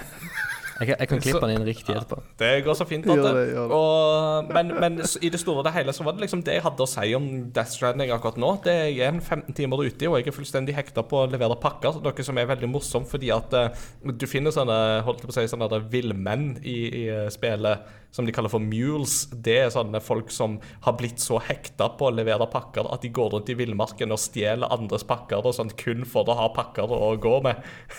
jeg, jeg er i ferd med å bli en mule, tror jeg. Death Stranding. Så vi får se om uh, hvor Death Stranding havner på min Game of the Year-liste når vi kommer så langt, men uh, det er stygt mulig at den havner der. Vi får se hvor masse jeg rekker å spille. Artig. Jeg har spilt ferdig Shenmue 3 òg. har ikke så mye mer nytt å si om det enn det jeg sa i forrige episode. Og anmeldelsen ligger ute på gamereactor.no, så sjekk den ut. Med det så tenker jeg at vi skal ta en pause. Nå har vi holdt på i det lange og det brede, men eh, en liten pause, og så er vi straks tilbake. Og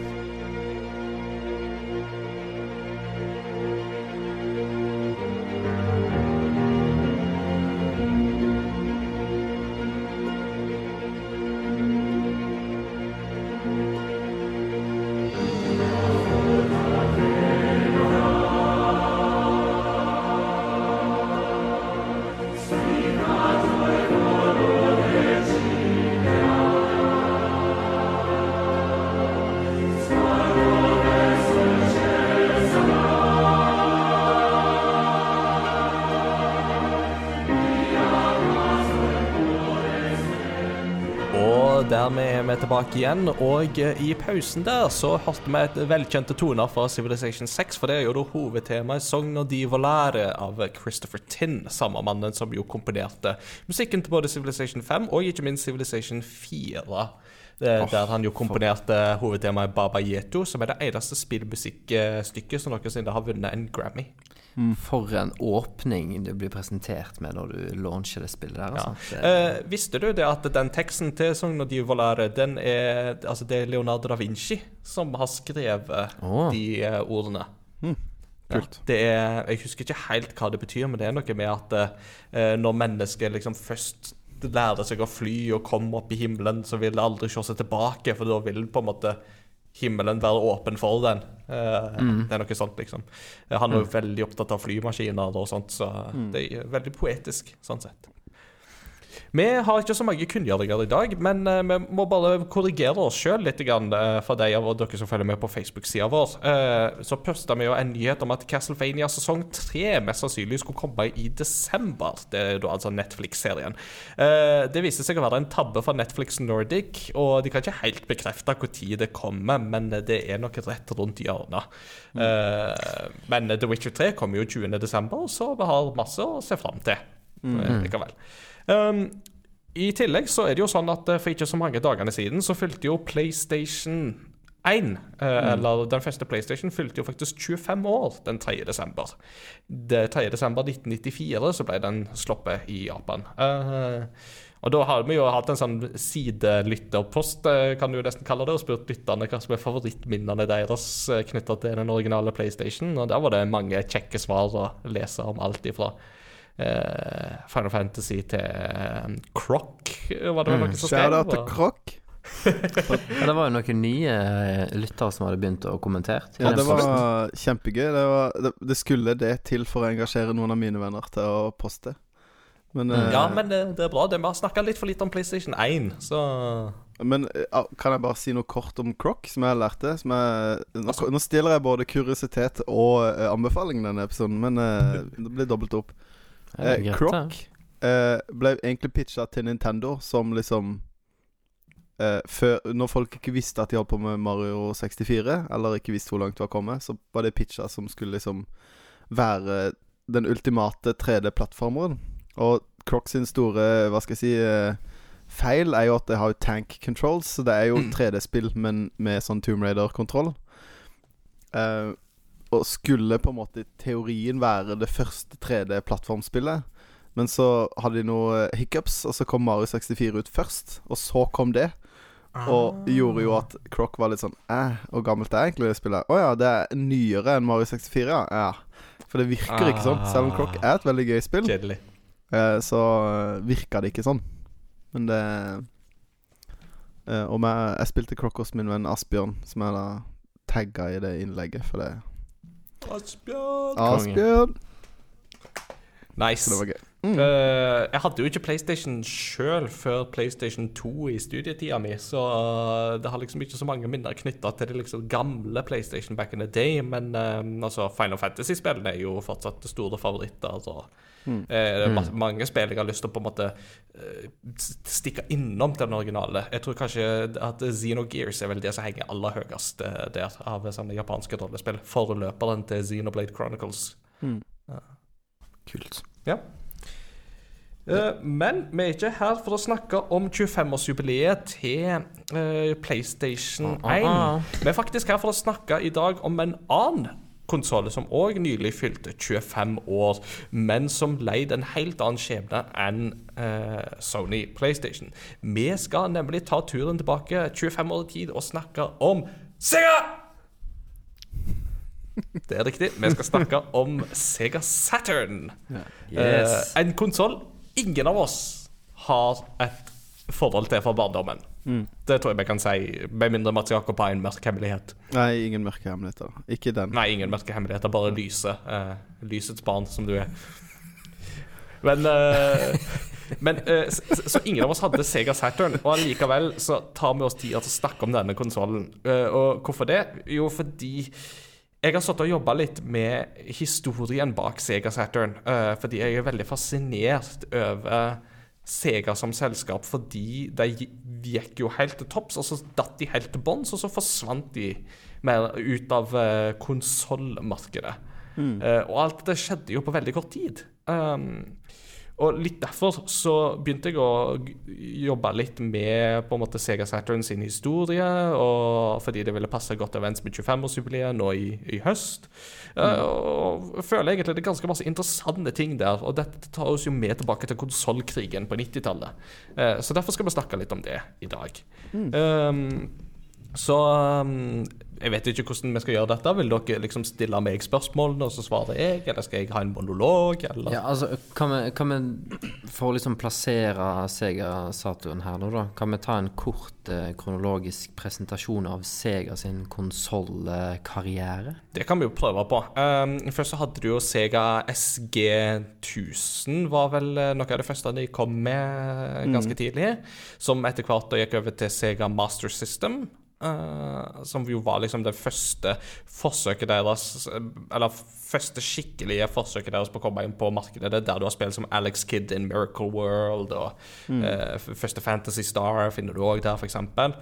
Uh, og så, etter Sega Master System, så kom jo da Sega Megadrive. Og det er jo det de aller, aller fleste har et forhold til, fordi det var Sega Megadrive som virkelig satte Sega på konsollmarkedet utenfor Japan. Eh, og hovedgrunnen til det var jo selvsagt Sonic the Hedgehog. Eh, Og dette er jo òg litt interessant, fordi uh, se, sjefen som var, var for Sega of America på den tida, Tom Kalinski, var en utrolig viktig figur for at Sega fikk et rotfeste i Vesten, sånn som de gjorde. Fordi han tok veldig mange av de viktige sjefsavgjørelsene. Eh, eksempel dette med at eh, han bestemte, for, eh, bestemte at de skulle bøndle Sonic the Hedgehog sammen med alle Sega Megadrive-konsoller som ble solgt etter at Sonic the Hedgehog kom ut. Som ville si at de kunne potensielt sett tape masse penger på Sonic-spill som de ikke fikk inntekt for. Eh, men det var virkelig den killer-tittelen som gjorde at Sega Mega Drive virkelig solgte eh, i USA, særlig i USA. Der jo konsollen heter Sega Genesis. Eh, og, og en annen ting som jo Tom Kalinski um, og var på en måte veldig viktig for i denne prosessen, var at han var også den som la litt eh, linja for hvordan Sega skulle legge seg eh, i kampen mot Nintendo. Så det at Sega hadde den der edgy tonen med eh, Genesis does what Nintendo don't, og liksom hele den der med at eh, Nintendo er så teite, se hvor kule vi er, og liksom hele den linja der, var veldig mye Tom Kalinskis bare ja, det, vi, vi satser på det, vi gønner på, og vi kjører det. Han var jo Sega Megadrive kom ut tre år før Super Nintendo. Eh, og var da, hadde 16-bit-markedet så å si alene i tre år før Super Nintendo kom. Men når Super Nintendo kom, så var Sega Mega Megadriven mer kraftig på én ting, og det var prosessor. Mm. Og det Bl- valgte de da å kalle for blast processing, og var litt sånn derre Yeah. Og reklamene var sånn De viste Det var jo en helt annen tid, ikke sant? Men de viste jo liksom eh, video av Mario World i sort-hvitt. I slow motion og litt sånn derre Å, se på det kjedelige her. Og så Sega has blast processing! Og så var det bare sånn Viste de raskeste spillene de hadde. Og liksom Virkelig liksom satte svartmalte Nintendo, da. Og det er jo en sånn reklameetikk som ikke er liksom stuerein lenger. Ja, men som er utrolig fascinerende Mm. å se på i dag. hadde jo ikke funka i dag. Uh, så nei, altså Du hadde jo virkelig ikke fått lov å drive reklame det i dag, for å si det sånn. Det var en helt annen tid. Og det var jo dette som innleda konsollkrigen på 90-tallet, sånn som jeg definitivt eh, kjenner det. Eh, for det var jo sånn at med Sega og Nintendo De eh, var jo i strupen på hverandre. Men det som jo også er interessant, er jo det at Sega før Sonic hadde jo nesten ikke markedsandel i USA i det hele tatt. Og bare i løpet av tre-fire år så gikk det til å få nesten halve markedet i USA. Eh, Og det var jo takket være eh, Sega Mega Drive og Sonic veldig masse. Um, I tillegg til det så hadde jo Sega Mega Drive en del sånne kule spill, og det var veldig det arkadefokuset med sportsspill, og veldig på en måte sånn nesten rett ifra arkaden så fikk du det hjem til deg med eh, tøffe arkadespill, sportsspill, eh, beat them up-spill sånn som Streets of Rage og sånne ting. Og da er jo spørsmålet hvordan følger du opp dette? Mm. 32X. Ja. det er jo en veldig interessant periode når du går til starten av 90-tallet, fordi eh, en ting som jo alle visste kom til å komme, det var CD-rommen. CD-rommen var liksom begynt å komme for fullt, og alle skjønte jo at det å gå fra cartridges til CD-rom hadde utrolig store fordeler, fordi du hadde Du kunne lagre flere, flere hundre ganger mer data. Så bare tenk på de mulighetene du hadde. Men når ingen har gjort noe før, så skjønner du jo ikke hvordan du sjøl nødvendigvis skal gjøre det. Og det gjorde jo det at mange prøvde seg jo på en slags type CD-rom-konsoll uten å helt lykkes med det. Eh, og i tillegg til det så var det jo det at CD-rommen var jo fortsatt veldig dyr på den tida. Så, og, og Sega for eksempel også tenkte jo det at eh, vi vil liksom prøve å heller på en måte gå til det markedet vi allerede har, enn å prøve å pløye ny mark som vi ikke helt vet hvordan kommer til å gå.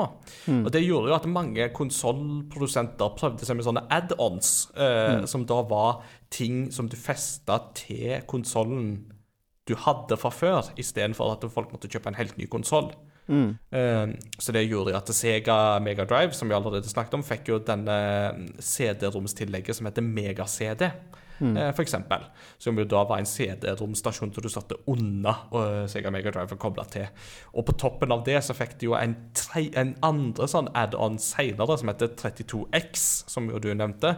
Som da var en ting du satte inni cartridge-slotten, og som økte rammen fra 16 til 32. Uh, Bit. ja, bit. Eh, Takk. Plutselig står det helt stille. Det er det her jeg syns er, er liksom Og det er liksom grunnen til at jeg liksom spør om kan vi gå gjennom uh, Sega sin konsollhistorie. for at uh, mange av disse som det kaller for add-ons, har jeg liksom trodd blitt snakk om som at eh, det er en, den ene konsollen. Så det er veldig sånn at jeg syns at Sega sin strategi og det at det har det navnet, er veldig forvirrende. Mm. Og Sega eh, Og det er på en måte også en egen konsoll, for det at du kan ikke spille et Sega CD-spill eller et Mega CD-spill uten å ha en Megadrive, og du kan ikke spille et 32X-spill uten å ha en eh, Megadrive. Eh, men, men de er likevel eh, Du kan jo bare spille det på det. Mm. Sånn at eh, Sega Man ser jo på Sega CD som et eget bibliotek, og Sega kom jo etter hvert med en konsoll de kalte for CDX, som var en CD-rom Så så ut som en Du kunne faktisk bruke den som Discman, det er jo veldig vittig. Mm. Eh, men det var en veldig liten kompakt konsoll som du kunne spille Megadrive-spill og Sega CD-spill i. Eh, sånn at eh, det store problemet til, til Sega på den eh, Det Super Nintendoen tjente på, var at det var bare Super Nintendoen. Mm. At du visste at jeg kjøper et Super Nintendo-spill, så virker det på min Super Nintendo. Og problemet til Sega var jo at de hadde så veldig mange forskjellige versjoner av Mm. Flere versjoner av samme konsollen, men også liksom versjoner av tilleggsutstyr, og liksom hva man har. Og liksom Kronen på verket er jo at du fantes jo eh, 32X-spill som, eh, som var CD-spill. hvor du måtte ha en 32X og en me- eh, eh, mega-CD for å spille. Mm. Og det Eh, var jo mareritt, vet du. ja. For hvem Og i- det? I begynnelsen så var det med Sega Nei, med CD-romspiller så var det jo veldig mange eh, produsenter hvor det Det store forskjellen du merka det på, var at noen spill kunne være større, litt som RPG-spill, men det var mest på lyd. At du Mm. kunne ha CD-kvalitet på lyd. Du, kunne, du trengte ikke eh, bit-samples. Du kunne bruke eh, vanlige lydfiler, da. Mm. Eh, så du fikk jo ja. ja. Og interessant nok så har du jo sånn som Hideo Kojima, som jo er aktuell med Death Stranding, lagde jo Snatcher, eksempel, til, Mm. til, til den plattformen. Det vil si, han lagde det vel ikke til den plattformen, men det var en av de ja. plattformene som Snatcher kom ut på. Ja. Som jo er veldig interessant. Det har Eneste plattformen det kom ut på i Vesten. Mm, eneste engelske oversettelsen av det spillet, men det er jo egentlig et PC-spill. riktig. Det har kommet på masse konsoller i Japan. Riktig, sånn var det, ja. Eh, og Sega var jo ikke de eneste som prøvde seg med sånne add-ons og så dette. Altså TurboGrafx gjorde jo det samme i sin tid, med at de hadde jo den CD2, eh, som jo kom allerede i 1988, så de jo prøvde seg jo på en sånn CD-romstillegg. Og Neo Geo, de er jo kanskje de aller mest interessante, for de eh, lagde Eller SNK, mener jeg, for de lagde jo da eh, i utgangspunktet konsollen Neo Geo, som jo var ren arkademateriale. Eh, Ikke sant? Og så kom de da med den utgaven som heter Neo Geo CD. Som da gjorde at de kunne skifte spill fra cartridge til CD fordi det var betydelig billigere. Men selve innmaten i konsollen var egentlig ikke noe annerledes. Og de brukte en, de brukte en én-speed CD-rom. Mm. Uh, jeg må bryte litt gjennom her nå, for nå blir det, nå blir det ganske mange konsollnavn-avsporinger. Ja. Eh, og jeg tror det er litt lett å falle av. Mm. For det vi egentlig skal inn på nå, Ja. er, er at all, all, etter alle disse Master System add-onene, Mm. så kom Saturn. Ja. Men disse add-onene er litt viktige likevel, fordi Saturn sin historie har litt sin utgangspunkt i en add-on som aldri ble noe av, nemlig Nintendo PlayStation. For det jo mange ikke vet, er jo det at eh, Nintendo prøvde seg jo òg på å lage en sånn eh, CD-romstillegg, og da nemlig til eh, Super, eh, ja, altså til Super Nintendo. Og da gikk de inn et samarbeid først med Sony, og lagde en prototyp som kom kjempelangt. Eh, og den fikk jo da dette eh, navnet PlayStation. Eh, Så på den ene prototypen som finnes i dag, så kan du se liksom Nintendo PlayStation stå liksom og Det er ganske fascinerende. Men så trakk jo Nintendo seg ifra det samarbeidet der litt sånn i siste liten, eh, og ga litt rettigheter til Philips til å lage en CD-basert konsoll som bare var forferdelig. Så litt snutt av dette, så gikk Sony da til eh, Sega i stedet og lurte på Hei, Sega, skal ikke vi lage en CD-rom-basert konsoll eh, i stedet? Eh, og Sega of America var kjempeentusiastiske på dette, for det var bare sånn Ja, da kan vi ta rotta på eh, Nintendo en gang for alle, så det har vi jo kjempelyst til å gjøre. Og Sega of America og Sony jobba kjempelangt med å lage konsepter for eh, en konsoll som de skulle lage i lag. Og så skulle de pitche dette for Sega of Japan-sjefene. Og Sega of Japan de sa tvert nei. Det var helt utelukka. Og grunnen til det var at Sega mente at Sony hadde ikke peiling på spill. De hadde ikke peiling på konsollmarkedet. De ante ikke hva de holdt på med. Sony kunne bare pakke og dra hjem. Så Sony ble da rett og slett snytt to ganger for muligheten for å komme inn på konsollmarkedet. Eh, og da fant Sony ut at vet du hva, da gjør vi dette sjøl når vi kommer så langt. Vi har samla opp kjempemasse kunnskaper og ressurser, og vi tror faktisk vi kan klare dette. Eh, så da gikk de sin egen vei, men ikke før de tok med seg noen viktige folk fra eh, Sega. Blant annet da Steve Race, som var Tom Kalinskis høyre hånd, eh, og som hadde jobba tett på dette prosjektet. Eh, og så gikk han over til Sony i stedet, og Sony gikk hen og lagde det som ble PlayStation. Som da var deres egen konsoll. Og dette betyr jo da at Sega begynte å produsere sin egen konsoll, som da etter hvert ble til Sega Saturn. Og de trodde at de skulle få lov å lansere denne sånn rundt jula 1994 i fred og fordragelighet, uten konkurranse for andre. Det skjedde jo ikke, for da kom plutselig Sony inn og bare sånn Hei, vi skal lansere PlayStation i jula 1994, vi òg.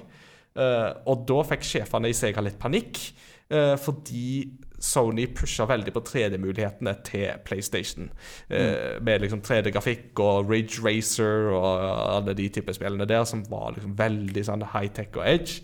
Så det gjorde jo da at da sa Sega-sjefene at eh, i den konsollen som dere holder på å lage nå, som da blir hetende Saturn, eh, sleng inn en grafikkchip til, sånn at det er to grafikkprosessorer i den istedenfor bare én.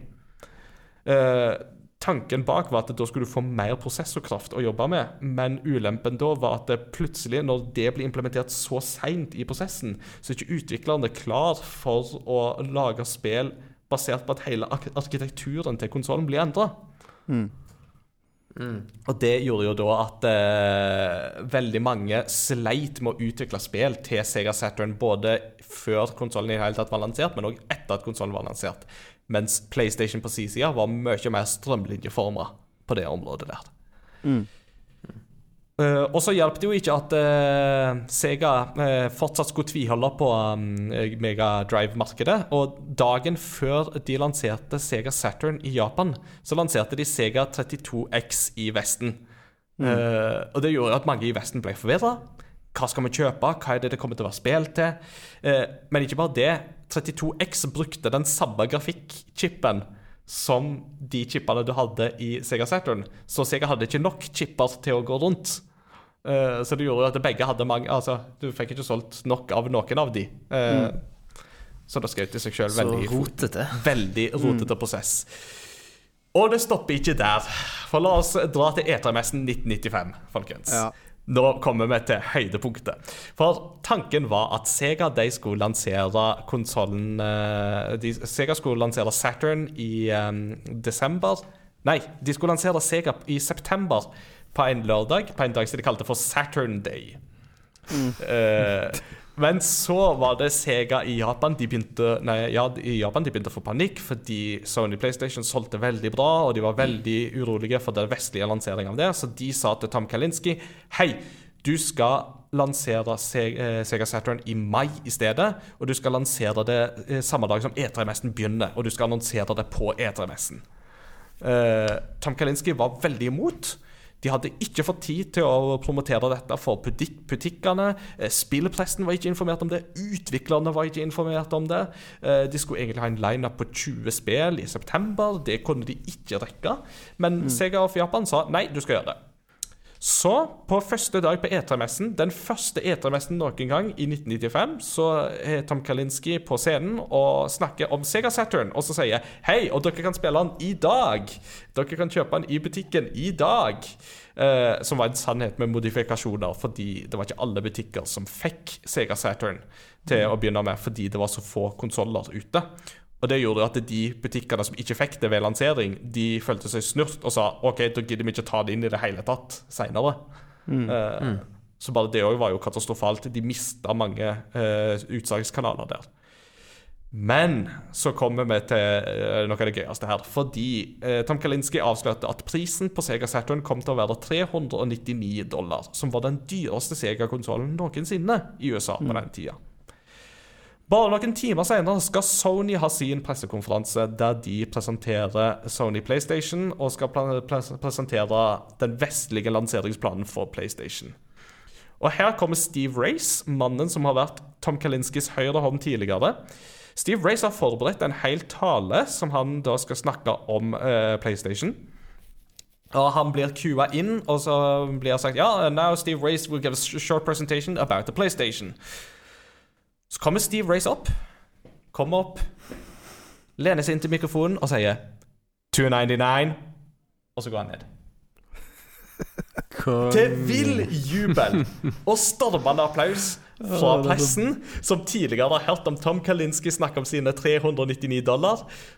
Og Sony trykker dette til sitt bryst og får tidenes gratis PR-stunt i spillbransjen noensinne. Takket være den iskald Steve Race, som bare lener og sier 299. Og det er så sinnssykt. Det er helt legendarisk. Ja. Og Det, minner, det minner meg litt om den der uh, uh, Xbox One-lanseringa. Ja, how to share uh, Ja, men liksom at. Xbox One bare dreit seg, og så kommer PlayStation opp og bare Hei! Ja. Vi har en helt vanlig Ja. konsoll som du kan spille spill på. Det er og så får de bare alt gratis. Det er jo litt av der eh, å få lov å være nummer to. Mm. Få lov å reagere på hvordan det gikk med nummer én. Det, Spesielt når det går dårlig. ja. Du får alt gratis. Ja. Men, men uh, bare for å spørre, var det 299 eller var det 199? 299. Eh, og det var en sannhet med modifikasjoner, fordi 299 ga det bare konsollen. Du måtte fortsatt kjøpe minnekort, og kanskje du må, vil gjerne ville ha et spill òg i tillegg, ikke sant? så sluttprisen vil jo bli mer enn det. Men 299 er det definitive eh, prisen som eh, var, og som Steve Race sa. Eh, Men det var da 100 dollar i forskjell, som jo var en no-brainer, med tanke på at Sega Saturn var såpass dyr, og de hadde kun seks launch-spill klare til den vestlige lanseringa. De skulle egentlig ha 20 som de hadde planlagt til Saturn Day. Det ble redusert til seks spill i stedet.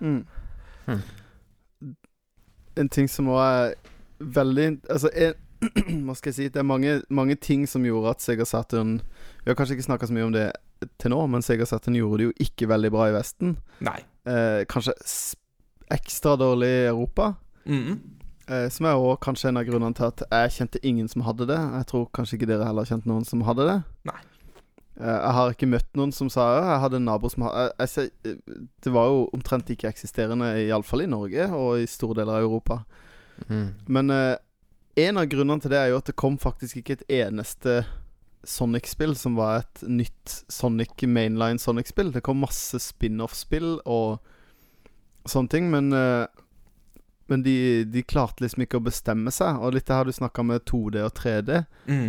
er jo veldig eh, For PlayStation var veldig god på 3D, og Sega Saturn var designa for å være bra på 2D. Mm. Og så ble de plutselig De lagde maskin som skulle prestere bra i et marked den ikke var designa for. Mhm. Mm. Eh, og det leder meg jo litt inn til det vi, vi også skal snakke litt om, er jo eh, eh, Japan, Japan mot Vesten. For den var jo ikke en flopp i Japan, den var en flopp i Vesten, men ikke i Japan. Mm. Og en av grunnene til det er jo fordi japanerne er jo mye mer glad i Eller var iallfall da Er jo fortsatt, men var da òg veldig Fremdeles veldig glad i, i 2D-spill. Mm. Det var ikke der sånn at alt skulle være 3D, sånn som det var her i Vesten. At alt Alt må være 3D, ellers så selger de ikke 2D helt ut. Mm. Og dette er klart at dette var jo på en måte en trend på begynnelsen av 90-tallet. ikke sant? Etter hvert som CD-rom-mulighetene kom inn, så var det jo dette med hva muligheter har vi. Jo, vi har jo muligheten til å lage spill i 3D. Tenk det. 50% mer dimensjoner. How cool is that? Eh, eh, men som du jo sier, ikke sant? Altså, de prøvde virkelig å utvikle et Sonic-spill til Sega Saturn, men det kom aldri et mainline Sonic-spill til Sega Saturn. Og når du ikke har maskotten som dreiv en hel konsoll klar på den neste konsollen, så er det klart at da skal du ha noen veldig gode kort i bakhånd. Eh, Og det hadde de rett og slett ikke til det vestlige markedet. Du hadde Nei. spill som Panzer Dragoon og Daytona USA, men eh, fortsatt så gikk det ikke helt, altså. Eh, da fikk du jo noen spill etter hvert, som sånn som Nights Into, Into Dreams er jo regna som en klassiker. Men det er jo helt sant som du sier, Mats Jakob, at i Vesten, og særlig i Europa, så floppa jo Sega Saturn totalt, bl.a. pga. den katastrofale sniklanseringa som var helt uplanlagt, og de hadde så lite å stille med i konkurransen mot Sony. Men som du sier, i Japan så var jo ikke Sega Saturn en flopp i det hele tatt. Tvert imot så solgte Saturn mer enn Nintendo 64. Eh, jeg har tallene her, faktisk. Eh, Saturn solgte 5,75 millioner konsoller i Japan, mot Nintendo 64, som solgte 5,54 millioner. Eh, Og den slo òg Sega Megadrive, som solgte 3,58 millioner i Japan. Så eh, Sega Saturn er vel kanskje den bestselgende Sega-konsollen ja, i Japan eh, noen gang. Og litt av det er jo som du sier, Mats Jakob, at i Japan så var man fortsatt glad i 2D-spill, og er det én ting som Sega Saturn utmerka seg på, så var det dette med 2D-fighting-spill. Eh, sånn som da f.eks. Virtua Fighter, som hadde på en måte 3D-elementer og sånt i seg, men som fortsatt var relativt todimensjonalt på mange måter. Eh, Sammenligna med f.eks. Tekken, som gikk mye bedre i det 3D-spekteret. Ja. Mm. Men det var jo gjenspeiler jo på en måte Arkade I Japan så var jo Arkademiljøet Det var 2D-slåsspill som fremdeles var bra. Mm. Eh, og kjempe Vi har snakka om eh, High Score Girl før, men det er jo veldig gøy dokumentert der. For det er det liksom Fighting Vipers og eh, eh, Street Fighter 3 og liksom, eh, mange av disse her spillene som kom Mm. Eh, Darkstalkers, Samurai Darkstalkers, Showdown. Ja. Mm. som er 2D-fighting-spill som ser helt fantastisk Der er det jo nesten Arkade-perfekte porter Ja. Til Saturn, som du ikke kunne fått til på PlayStation. Men Nei. eh, Og, og, og det er klart at eh, 2D var et marked man allerede mestra, ikke sant? Fordi det hadde man jobba med over så lang tid. 3D var fortsatt et nytt og ukjent terreng som man måtte gå. Fordi det var ingen stier der fra før, så akkurat som Sam i Death Stranding, så måtte du på en måte gå opp en sti før den stien etter hvert ble til en vei og til en motorvei og en bro. Eh, men ikke bare Så Sega ga jo egentlig veldig opp eh, Saturn i Vesten ganske fort, mm. faktisk. Tom Kalinski gikk jo av som sjef i Sega of America i 1996, og Bernie Stoller, som jo overtok, erklærte allerede på Etermessen i 1997 at eh, Segas framtid lå ikke i Saturn. Så de hadde basically gitt opp eh, Sega Saturn i Vesten bare to år etterpå. Men i Japan så fortsatte de jo fortsatt. Og vi kan jo ikke si med sikkerhet at det skyldtes denne mannen og legenden, men i Japan så fikk Sega veldig stor drahjelp av eh, en fantastisk reklamefigur, som vi jo må snakke litt om.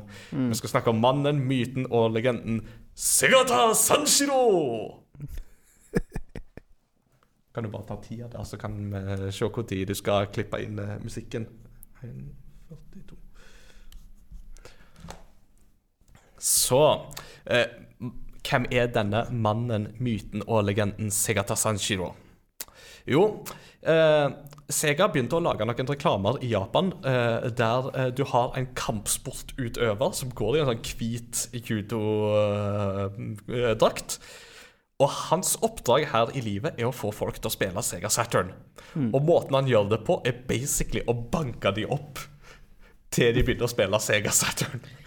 Eh, Bra etikk der, Og altså, første reklamen er tre gutter som skal gå og spille baseball, og så plutselig så dulter de borti Sega, Sega Tasanchino, som står og så tar han og kaster de liksom rundt, og så er de bare sånn Sega Tasanchino! Og så kommer han med Sega Satanchino! Og dette er jo et pønn eh, på japansk, fordi Sega Satan Shido betyr jo da You must play the Sega Saturn. Eh, og hans navn Segata Sanshiro høres da ut som setningen Sega Satan Shido. Eh, Det er òg en referanse til en Akira Kurosawa-film eh, inni dette her. Der har du en figur som heter nesten det samme som Segata. Og Segata viser seg jo etter hvert å ha superkrefter, basically. Altså, han kan kaste folk sånn at de eksploderer on impact to ganger.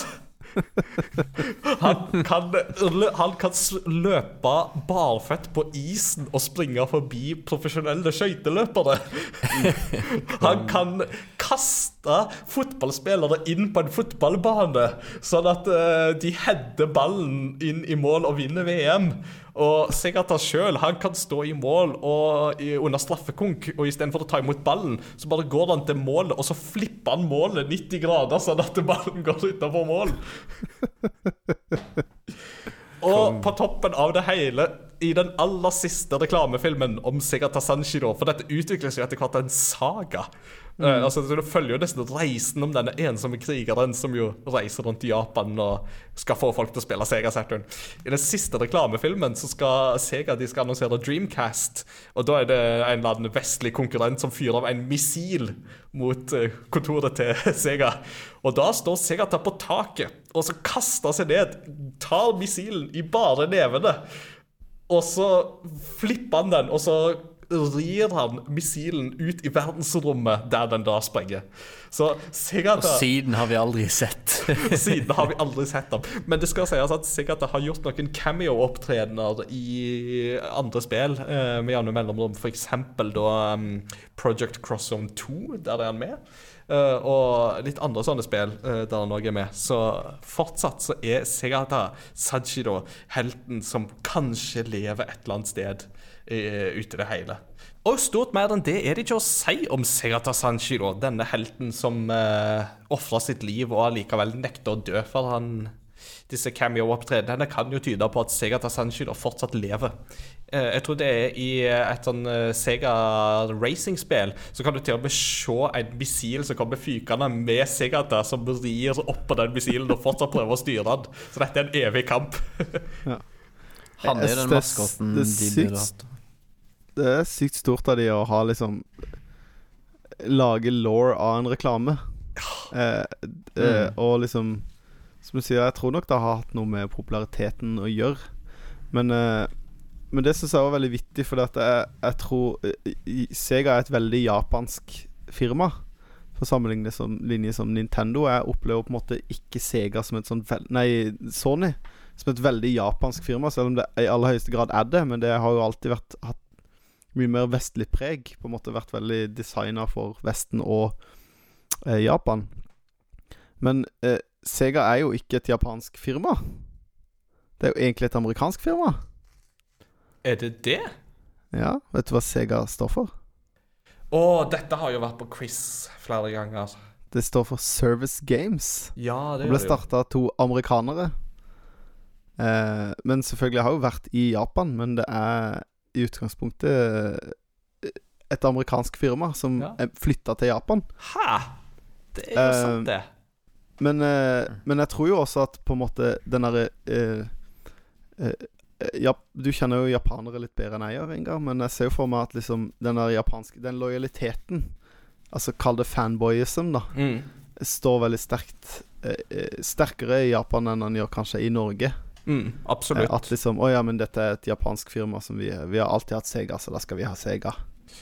Absolutt. Eh, man kan jo diskutere om det er grunnen til at Xbox aldri har solgt så bra i Japan som de har. Det kan nok være en av hovedgrunnene. Det, det, jeg, Jeg tror definitivt at det er en av hovedgrunnene, men jeg tror ikke det er den eneste grunnen likevel. Det, det tror jeg ikke. Eh, men stort mer enn det er det egentlig ikke å si om uh, Sega Saturn. Den uh, gikk uh, stille forbi her i Europa. Her var det veldig få som i det hele tatt la merke til han. Mm. Men i Japan så fikk han leve sitt liv, og veldig mye takket være en ensom kampsportutøver som mm. banka deg og trua deg til å spille Sega Saturn. Eh, skal vi nevne litt spill òg, som er nevneverdige fra Sega Saturn? Ja, det kan vi jo absolutt gjøre. Uh, Police Knots kom jo ut på Sega Saturn, blant annet. uh, I Japan så hadde jo Sakura Wars-serien, som var en forløper til Val Valkyria Chronicles-serien, som er òg verdt å sjekke ut.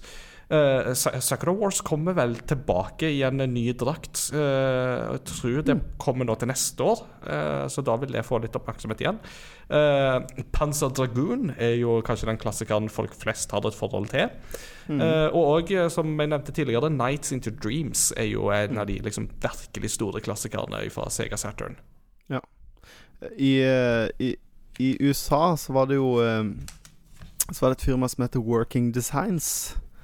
Eh, som er veldig kjent i dag fordi at de gjorde eh, De oversatte veldig mange japanske rollespill som aldri ville blitt oversatt av Sega sjøl. Mm.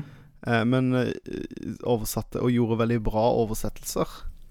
Eh, som tok over en del av Shining-spillene. Shining The Holy Ark, blant annet. Ja. Eh, en del Oversatte faktisk eh, en del Ja, vel, hovedsakelig rollespill, da. Eh, som har vært en stor bidragsyter til at liksom den sjangeren levde litt videre. For Sony var jo flink til å ta rollespill til Vesten, men Mm. det var ikke Sega. Mm. Eh, og eh, Sånn at det, der er det jo flere titler som Som er eh, også ganske sjeldne, men der har du jo også eh, I rollespillsjangeren så har du jo eh, Panzer Dragoon Saga, som blir sett på som Det skulle være Final Fantasy 7-killeren. Eh, den kom ut ca. samtidig og skulle være et storslått rollespill på fire CD-er. Eh, og de som er fan av det spillet, mener jo at det er bedre enn Final Fantasy 7. Men eh, det har jo tatt av denne her panserdragonen eh, eh, eh, eh, At du er på en drage som kan skyte lasere. Mekanikken inn i eh, turbasert eh, kamp. Mm. Så det er et vanvittig unikt og, og interessant kampsystem, da. Absolutt. Og så hadde du jo um, eh, sånn on-rail shooter-spillet House of the Dead kom jo på Sega Saturn, hvis jeg ikke husker feil. Og så hadde du jo Virtua Fighter, ikke minst, som jo var en veldig eh, stor serie. På, og alle disse Virtua-seriene, Virtua Tennis, Virtua eh, Ja Racing Fighter. Ja. Så, så, så det var mange av disse Virtua-titlene dro, dro jo veldig masse av den 3D-æraen til, til Sega Saturn òg. Så mm, og Shining Force, som du jo nevnte, eh, den serien var det jo Camelot som utvikla, og de utvikla jo senere Golden Sun. Eh, på eh, Gameboy Advance og DS, som jo er veldig gode eh, rollespill. Så de er veldig gode. Så Christian, hadde dere flere spørsmål du vil skyte inn før vi tusler videre? Nei, jeg, jeg tror kanskje det er på tide med en ny spalte. Jeg tror det er på tide. Nå har vi tatla lenger med en konsoll ingen har spilt. Jeg har spilt det, men ikke som barn. Nei, ikke som barn. Eh, og jeg har faktisk en Sega Saturn som jeg må få koble opp og prøvd litt en gang. Jeg hadde. For dette er en hebreke pachinko-kontroller til Super Nintendo. It's curiosity. What are you gonna show to me? It's curiosity. What a neat thing to know. It's curiosity. What are you gonna show to me? I haven't even heard of it. What a neat thing to know. It's a great the show. Med de eh, lekre tonene der, så skal vi videre til eh, ukens eh, kuriositet. Og hvem er det som har fått ansvar for den i dag? Det er jeg. Det er deg, vet du. Chris Leikolini. Christlike slash Christmas slash Christian slash Kristoffer. Nei. Um, um, nå har vi jo snakka en del om et spill i dag uh, som har blitt nevnt i en tidligere spalte flere ganger. The Witcher 3. Og eh, når eh, jeg var på Dreamhack, så var det òg mulig å se en, eh, en gameplay Eller bak lukkede dører så spilte CD Projekt Red Cyberpunk for oss. Eh, men, men det ligner veldig på en annen demo som de har gitt ut, så det var ikke, sånn sett ikke så mye nytt. Men eh, spillet bugga og krasja en gang, så det viste at de faktisk spilte det. At det var ekte. Um, men da eh, hadde jeg en interessant samtale i kjølvannet av det med en elev som var med, som er òg veldig glad i The Witcher 3. Og så sier den eleven her at visste du at eh, altså hovedoppdraget ditt i The Witcher 3 er å finne adoptivdatteren til Geralt, som er den karakteren du styrer. Og hun heter Siri. Og hun har eh, magiske evne som du kanskje ikke helt vet omfanget av. Eh, men eh, så viste han meg en cutscene eh, mellom Geralt og Siri, hvor de sitter og prater. De, eh, og han spør henne liksom OK, hvor, var, hvor har du vært i det siste? Hvor var du mellom da og da? Og det kan tyde på at hun har litt sånn mulighet til å teleportere seg, og, og hun vel Hun går vel under kallenavnet Er det, Queen of Time, eller et eller annet sånt? da? Lord of Time, eller et eller annet sånt?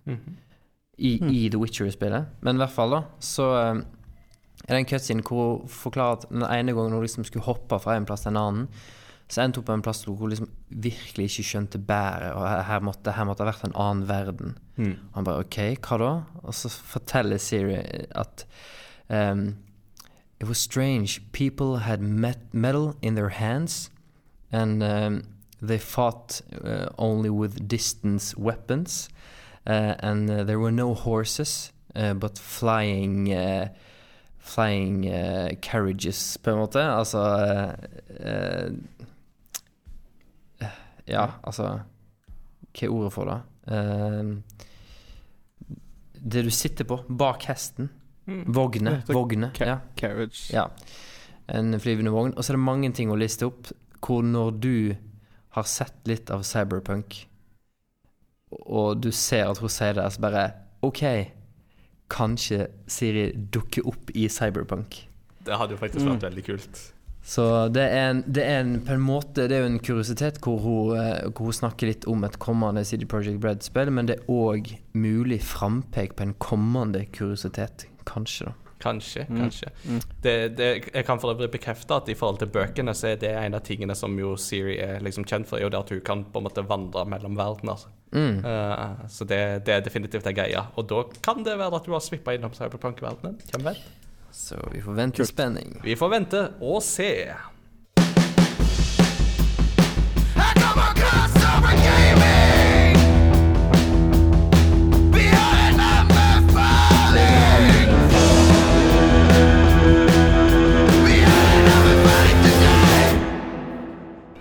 Dag så er det jeg som har fått eh, gleden av å eh, få lov å komme med anbefalinger. Eh, og i dag så vil jeg anbefale en, to ting, og begge to skal gå litt kjapt unna. For den første, der vil jeg ikke avsløre så mye av det som skjer. Men det er jo sånn at eh, Disney Pluss har jo blitt sluppet i tre land i verden. USA, Canada og Nederland.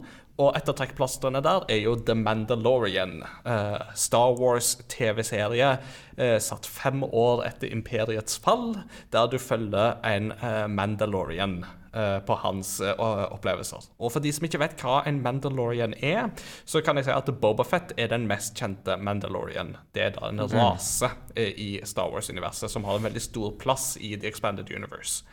Eh, The Mandalorian er jo den første spille-TV-serien i Star Wars-setting som gjør dette ekstra spennende.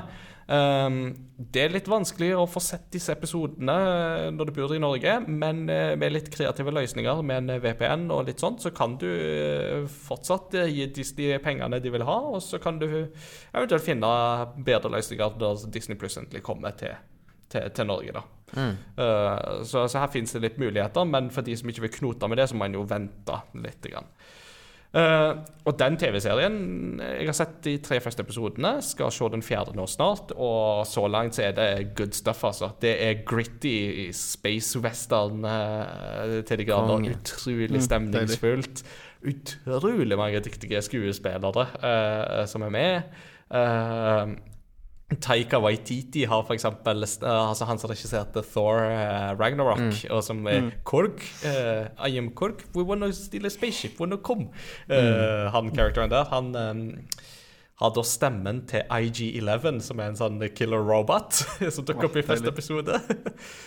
Ja, det var han der. Ja, så eh, det var sånn Og de har jo fått med folk som Nick Nolte og Pedro Pascal, som jo er kjent fra Game of Thrones, spiller hovedrollen. Mando the Mandalorian.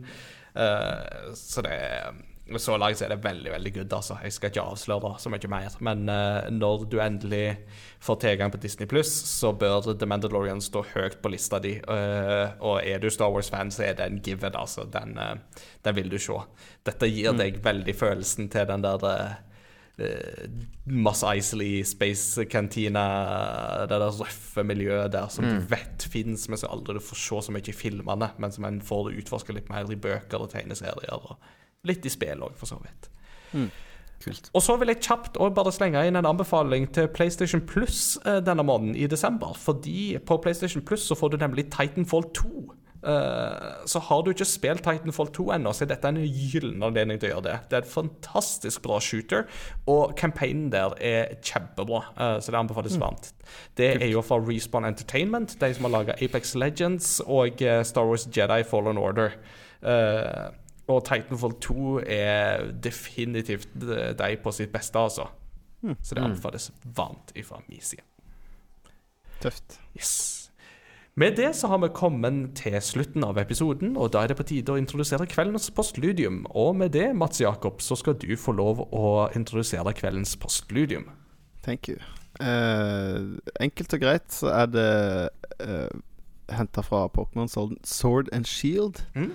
Eh, og eh, det er eh, battle-musikken fra når du fanger eller møter ville Pokémon. Eh, og som alle som har spilt et RPG, så er jo battle-musikk veldig viktig, for det er jo noe du bruker mye tid på. Eh, og det at jeg liker veldig godt battle-musikken, gjør jo at grinding blir litt gøyere.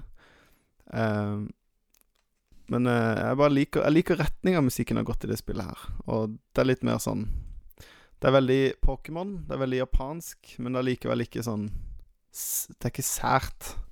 Men det passer Det kler spillet veldig godt. Og så syns jeg òg det tar noen sånn festlige, litt sånn eh, musikkteoretiske vendinger, hvis jeg kan si det på den måten. Jeg klarer ikke å beskrive det sjøl, men det er noe sånn eh, noen sånn gøyale blandinger av dur og moll og litt sånn som er festlig. så Syns jeg. Så kult. Eh, som eh, litt mer lekmann enn dere to på akkurat de, det feltet. Så med forbehold om feil, eh, så syns jeg det er interessant. Du, du kan kalle deg lekmann, men du står tross alt for 50% av jinglene her i podkasten, så eh, det er mer enn meg. Og, Jingle-assistent. og Christian står for den andre 50 Assistant to the regional manager. ja, det der er Assistant to general manager. Ja, det er bra. Med det så takker vi for følget i dag. Eh, Folkens, ikke fortvil. Vi slipper en eh, episode til eh, før året er omme. Den kommer da etter planen lille julaften. Er det vel omtrent vi planlegger? Skal vi røpe hva temaet er? Ja, vi kan si altså, Det er vel ikke så overraskende at når det blir siste episoden for året, så må vi jo kåre årets spill. Mm. Eh, Oh yeah. Så det blir en høymesse, som vi liker å kalle det. Da går den faste liturgien litt til side, og da skal vi nemlig vie all fokus til stort og viktig tema. Vi skal ikke bare kåre årets spill, vi har jo noen andre kategorier òg som mm. vi leker oss litt med.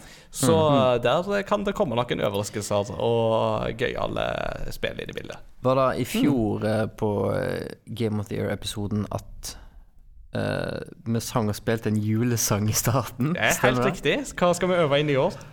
Uh, Kanskje Det vi var ikke bare en julesang. Du begynte, du begynte å rappe, hvis ikke jeg husker feil. Så det var en slags sånn julesang-rapp. Nei, det var, det var episoden før. Var det igjen, en ja, ja, for da, da jeg sang 'From all of us to all of you, a merry, merry Christmas'. Og, men, Så på, begynte Christian. ja, riktig. Men på Game of, the men på Game of the. Year Da stilte Christian med gitaren, og så sang vi 'I'm dreaming of a white Christmas'. Så Ja. kanskje vi må gjenta suksessen i år. Vi får se. Eller kanskje vi ikke skal synge i det hele tatt. Kanskje Ingar ikke synger så veldig bra, og folk helst eh, vil la være. Vi får se. Tid vi vil show. jeg kan tune da. det går bra. Jeg tror uansett at det kommer til å gå som en dans. Oh, yes. Lik oss på right. Facebook hvis du ikke har gjort det allerede. Tips venner og kjente om oss. Vi er på Spotify, vi er på Soundcloud, vi er på iTunes, og vi er generelt overalt der podder blir kasta. Veldig kjekt hvis eh, du vil uh, gi oss en anbefaling, og særlig når du skal hjem til jul. Vi snakkes ved neste korsvei. Ha det bra! Ha det bra. Ha det.